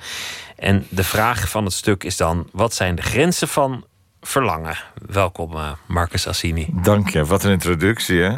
Ja, nou, z- zo'n zo'n gruwelijke reeks misdaden omgezet in een gezellig avondje uit. Ja, het is, een, het is een gezellige lunchuur zelfs. Want het is een lunchvoorstelling. Oh ja, in, in Bellevue. In ja. het Theater Bellevue in Amsterdam. En, eh, dus het begint om half één. En dat is een beetje het concept van, het, van de lunchvoorstelling van Bellevue. Het zijn altijd nieuwe to Nederlands toneelstukken. Dus een nieuw repertoire. Het is weggeschreven om daar te spelen. En, en het duurt een uur. Dus tussen half één en half twee sta je weer buiten. Voor mij zou het een eh, ontbijtvoorstelling zijn. Ja. Maar ik, ik ben er wel eens bij geweest, dus dat, dat, is, nog, eh, dat is nog goed te doen. Waarom een voorstelling over, over zo'n gruwelijk verhaal? Ja, ik denk wat het, het ook ons, eh, de schrijver, Nick Brukman en, en mij ook aantrekt aan het verhaal, is niet die gruwelijkheid, maar wel dat het, dat het, dat Jeff is, is, is, is een monster. Eh, hij heeft gruwelijke dingen gedaan. Maar mm, hij is tegelijkertijd ook een mens. Eh, en, en daar ben ik ook. En daar ben jij ook. Dus dat, dat integreert mij toch. Dat wij blijkbaar allemaal ergens uh, een drift hebben om te moorden. Maar dat bij sommige mensen komt nooit helemaal niet naar boven. En bij sommige mensen loopt het zo enorm uit de hand. Oh, je zit door oorlog te voeren... of door gewoon een, een seriemoordenaar te zijn. Dus uh, ik denk door de, de, de, niks, de schrijver dus zijn, zijn uh, fascinatie voor... voor waarom doet iemand zoiets? Of waarom iemand zo hun, zijn verlangen de vrije loop laat?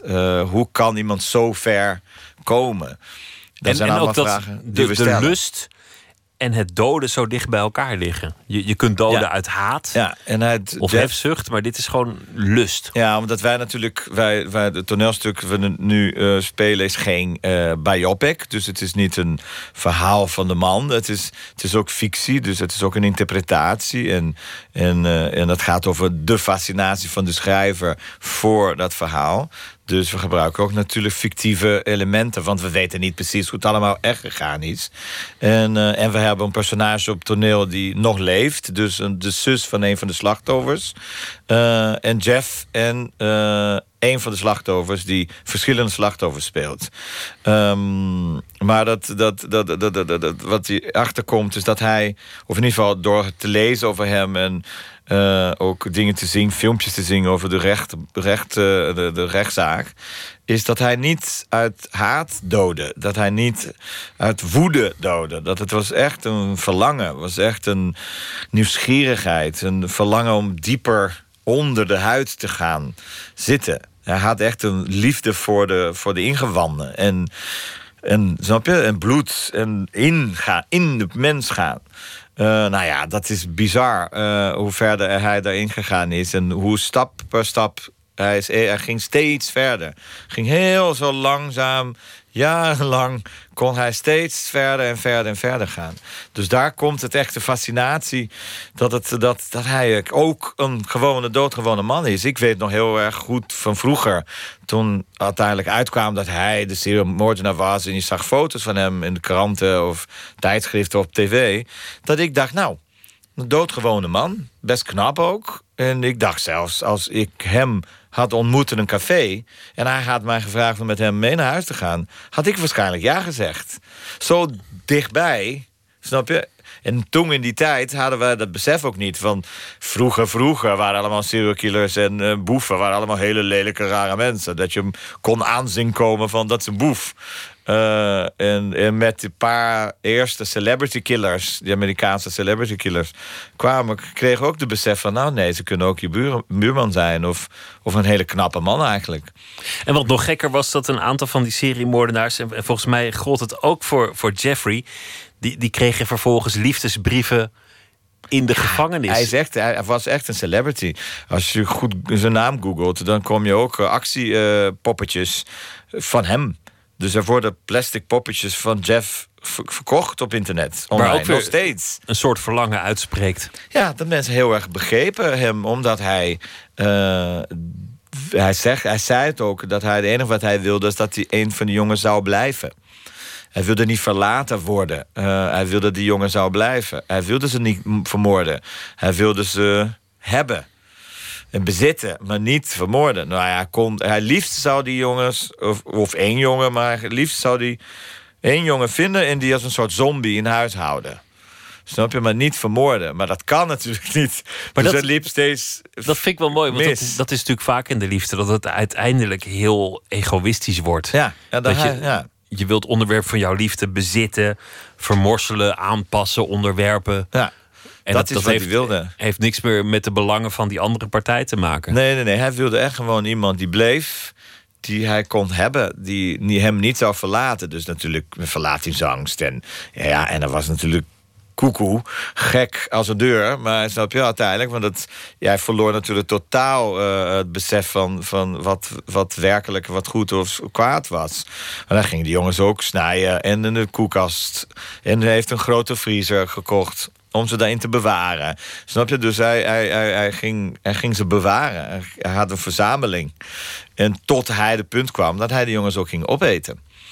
Uh, om met het idee dat hij dan de jongens nog verder in zich kon hebben. Snap je? Dat hun DNA zouden mixen. Dat DNA één zou worden. Snap je? Dus vanuit het gedachte om één te worden. Dus het praat helemaal niet goed wat hij heeft gedaan. Dat doen we met de voorstelling ook niet. Uh, proberen te vergeten wat hij heeft gedaan en hoe gruwelijk dat was. En, maar we, uh, het is een voorstelling ook die absoluut niet over bloed, geweld of homoerotiek gaat. Uh, het gaat echt over overgave, over de verlangen. En, en hoe dat verlangen, snap je? Hoe iemand dat verlangen kan, totaal verloren, controle kan verliezen over die verlangen. Dus dat gaat eh, zeg helemaal. In de voorstelling komt echt veel taal voor en niet echt heel veel bloed. Dus uh, het is een heel.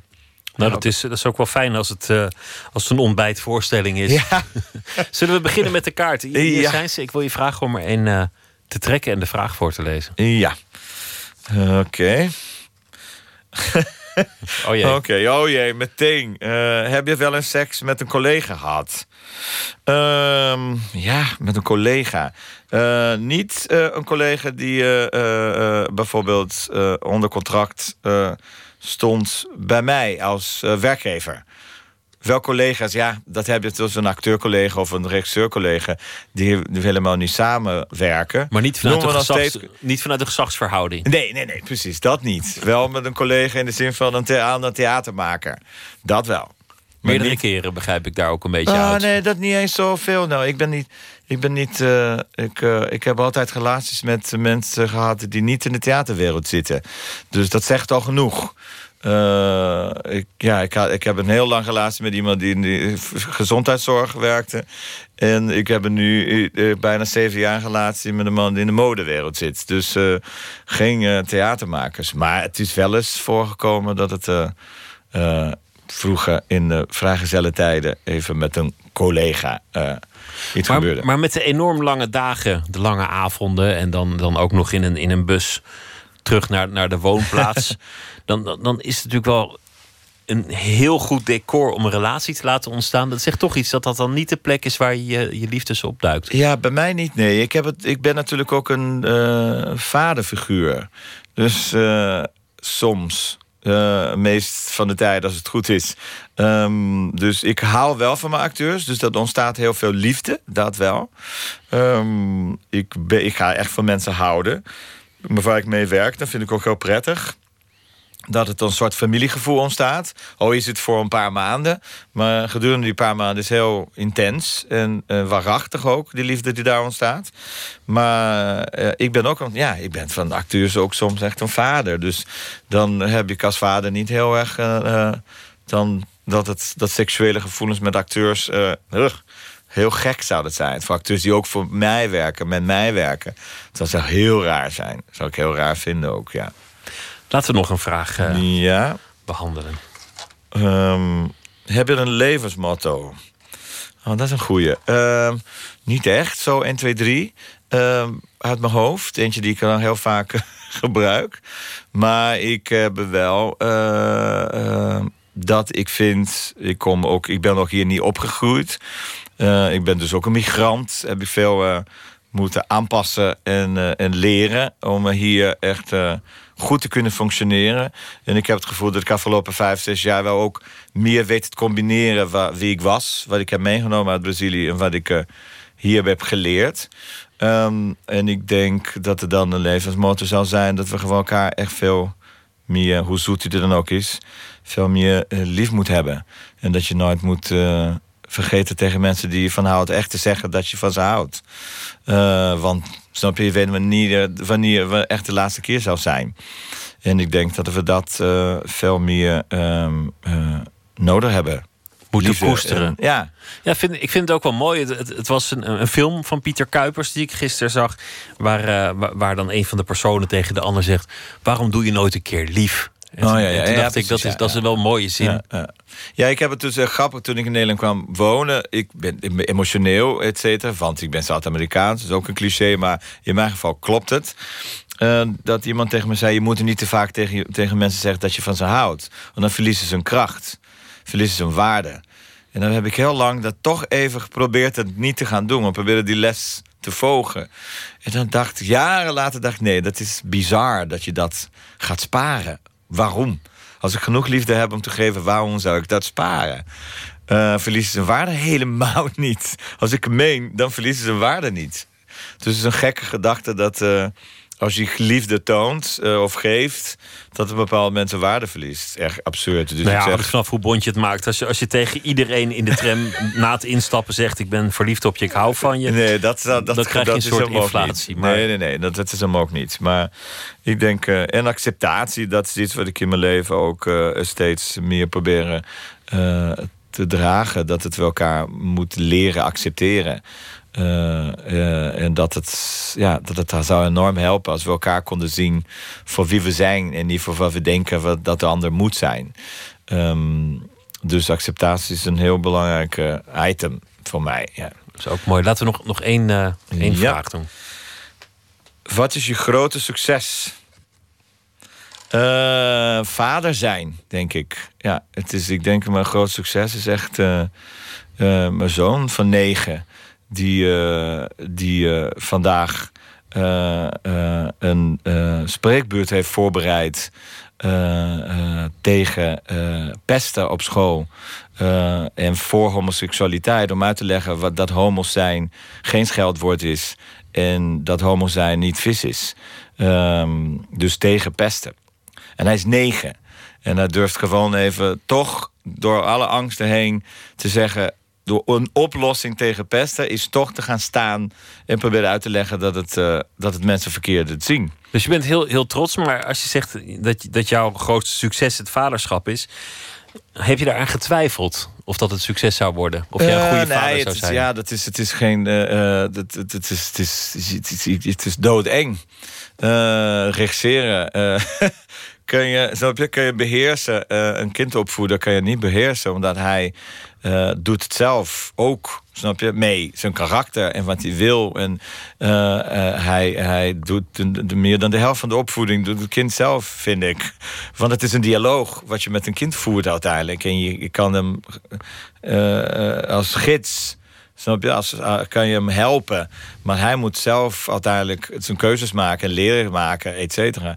Dan vind ik dus vandaag toevallig dat dit uh, vandaag kwam. Dat het was een dag dat ik daardoor heel ontroerd was. Dat, dat ik kon zien hoeveel liefde hij in zich draagt. Dus uh, dat ik dacht, chapeau. Snap je? De wereld moet blij zijn dat, dat hij er is. Want hij, snap je, hij is een heel mooi mens. Uh, niet alleen omdat mijn zoon is, maar omdat ik het zag wat hij dat zei en wat hij wilde doen en hoe mooi dat was. Dus ik denk als je het zoekt zo van succes uh, zou zeggen, dan denk ik is vaderschap. Dat het, uh, dat het gewoon niet omdat het lukt, omdat het goed gaat, maar gewoon omdat het gewoon de belangrijkste is, denk ik, dat ik in mijn leven heb meegemaakt en ooit ga meemaken. Is vader zijn. Dat is de, mijn belangrijkste bijdrage aan het leven, denk ik. Wat mooi dat je dat, uh, dat, je dat zegt. Marcus Sassini, dank je wel. Kogelvis gaat in première in Theater Bellevue als uh, lunchvoorstelling op zaterdag 24 september. Precies. Dank je wel. Dank je wel. U hoorde ze net al uh, in de studio, de Utrechtse band Einst 2 Orchestra. Ze hebben een nieuw album uit en die plaat heet Hope Sign Community. Geïnspireerd op de Tankman, uh, die uh, op het plein van de Hemelse Vrede in China in juni 89 de kolonne tegenhield. En ze gaan op zoek naar een nieuw soort leiders. Het volgende nummer gaat over de man, de cellist, die in Irak er een gewoonte van heeft gemaakt om in, na elk bombardement in de krater muziek te maken. Ook een uh, inspirerend figuur. Hier is Einst 2 Orchestra.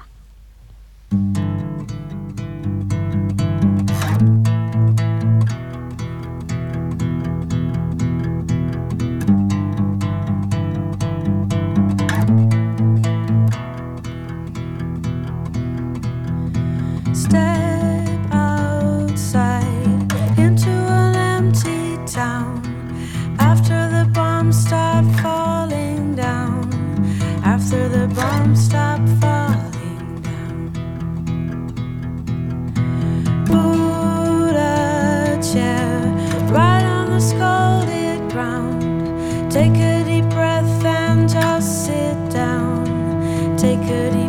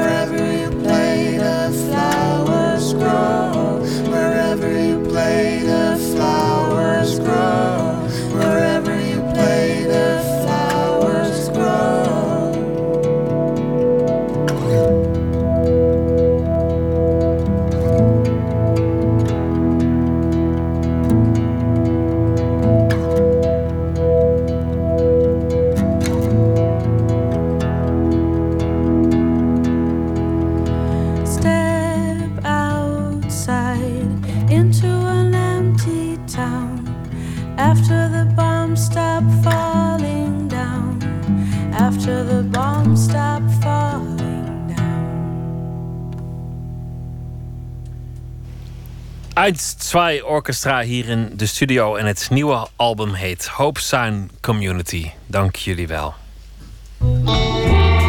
Nooit meer slapen. Vandaag begon in Utrecht het Nederlands Filmfestival met premières, films en andere gebeurtenissen.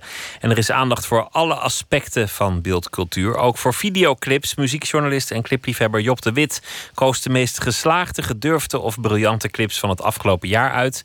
En vertoont ze tijdens het festival op groot scherm.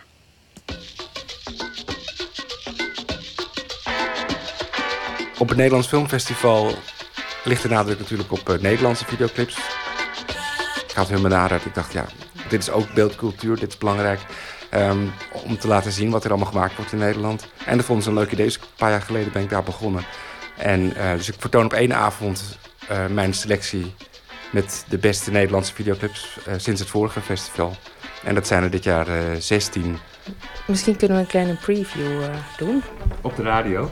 Oh ja, op de radio zonder beeld. Maar dan ga jij gewoon vertellen. Dat is goed.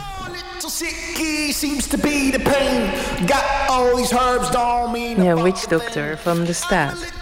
Die moesten er zeker in. Ja, ehm, dit is een van de meest vermaarde Nederlandse clips, denk ik, van de afgelopen jaren. Ehm, een heel imposant beeld. Het is eh, gemaakt door Floris Kijk, videokunstenaar, samen met eh Tore Floring van de Staat. Je ziet de zanger in het midden van een ruimte staan en eromheen staan allemaal mannen, maar dat zijn geen echte mensen. Die zijn door de computer eh, gemaakt. Allemaal mannen met ontbloot bovenlijf.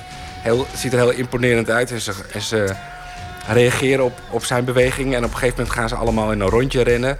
En op het laatst stijgen ze allemaal op. Een grote menigte eh, gespierde mannen met hun armen in de lucht. En het, het is heel indrukwekkend. En het grappige hiervan is ook nog eens dat mensen in het echt tijdens concerten van de band dit na zijn gaan doen.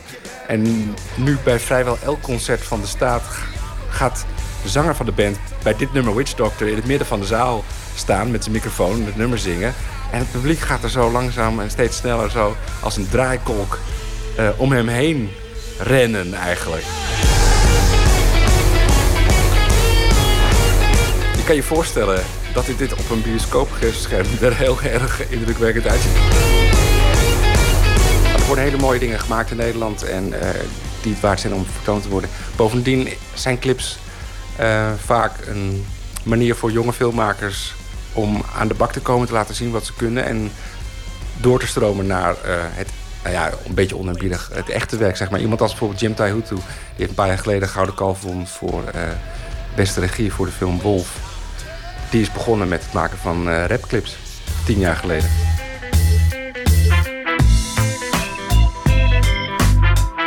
Iets heel anders. Een van jouw persoonlijke favorieten misschien wel, Ja. begreep ik. Anouk, met haar eerste Nederlandstalige liedje Ja. over haar geliefde Dominique. Je staat in de douche en je kijkt me aan. Ik voel, ik ben verliefd.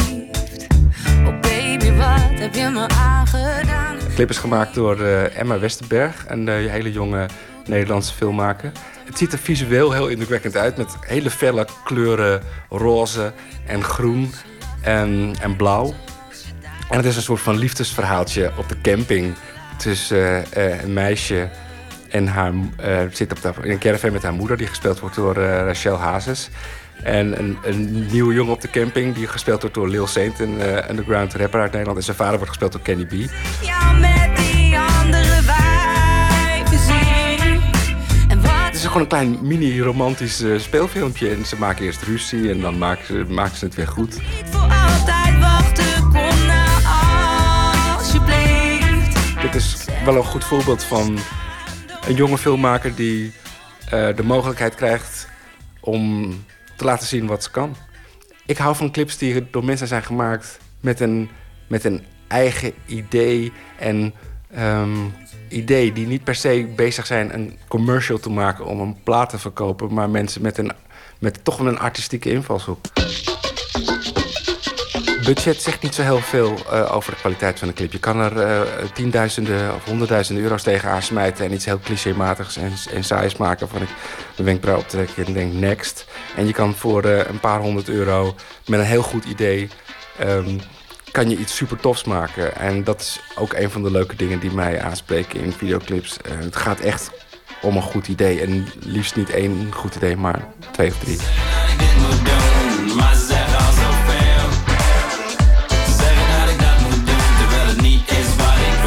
Uh, van uh, Sef. Ze zegt, Sef is ook mijn gast op, uh, op het Nederlands Filmfestival. Hij is niet alleen artiest, hij is rapper, maar hij regisseert sinds kort ook zelf zijn eigen videoclips.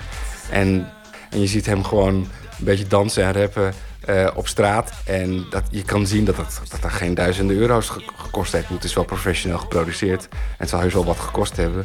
Maar ja, um, het is geen Kanye West of Lady Gaga videoclip. Maar dat is gewoon heel enthousiast gebracht met een, met een leuke invalshoek. En het past bij het nummer.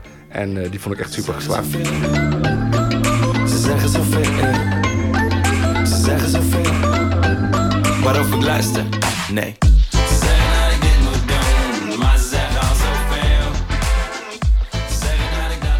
En Nicolaou in gesprek met Job de Wit. Elk kwartaal organiseert hij de videoclipavond Fullscreen. Maakt hij een selectie. En de selectie die hij maakte voor het eh, filmfestival is te bewonderen op het grote scherm op 28 september. En er komen ook speciale gasten bij kijken. Sef en Oma Omar. Kaas Schippers is uh, dichter en deze week zal hij elke nacht een gedicht uh, uitkiezen, voordragen en toelichten. En het gedicht van vannacht is In die tegel zit een vriend van mij.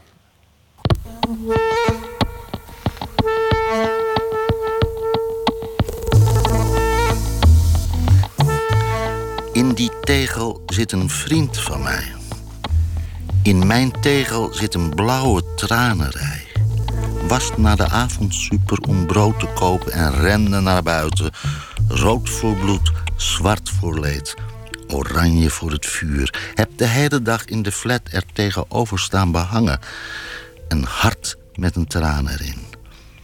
Het vliegtuig kwam recht op mij af, maar het was mijn tijd nog niet. Mijn nicht zou eigenlijk verkering met hem hebben gehad. Daar was een zwarte wolk met sterren erin. Een tegel voor jou met een voetbal waar je zo gek op was. Wit als het as. Dat overbleef van de flats. Vlag van Aruba. Sterren van vier windstreken. Iedereen van de hele wereld in de Bijlmer. Een paar stukjes van de echte Boeing heb ik opgeraapt. Blauw serviesgoed van mensen die aan tafel zaten te eten. Stond voor het raam en zie mensen als fakkels rondlopen. Het is altijd, ik vind het altijd erg prettig als je een verzoek krijgt om iets te schrijven. En dit, dit was een verzoek van Akkelij Hertzberger. Die werkt aan het monument in de Bijlmermeer. En dan staat in dit gedicht, even kijken... 4 oktober 1992, om half zeven is het gebeurd. En ik dacht, ik wilde wel iets schrijven voor het monument... bij de boom die alles zag.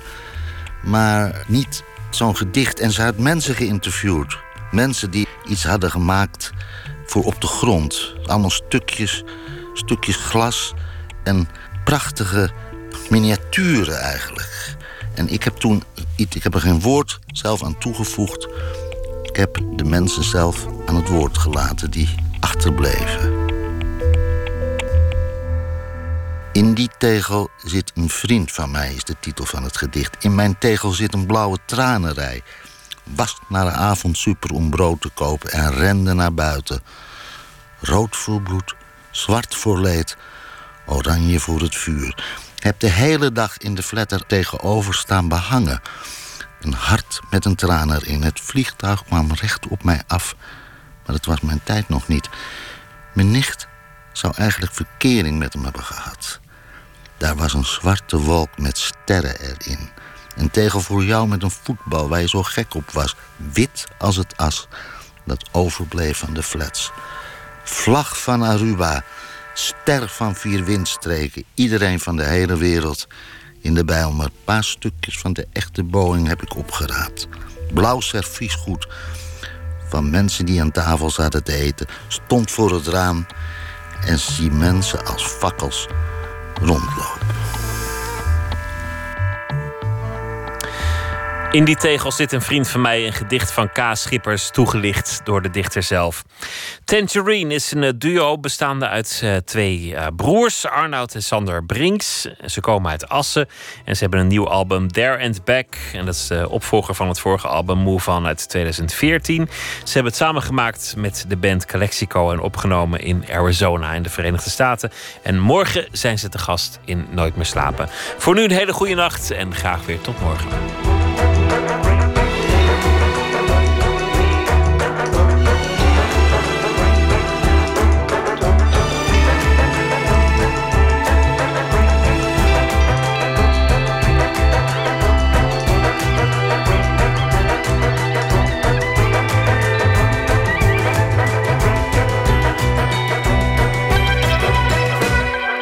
Radio 1, het nieuws van alle kanten.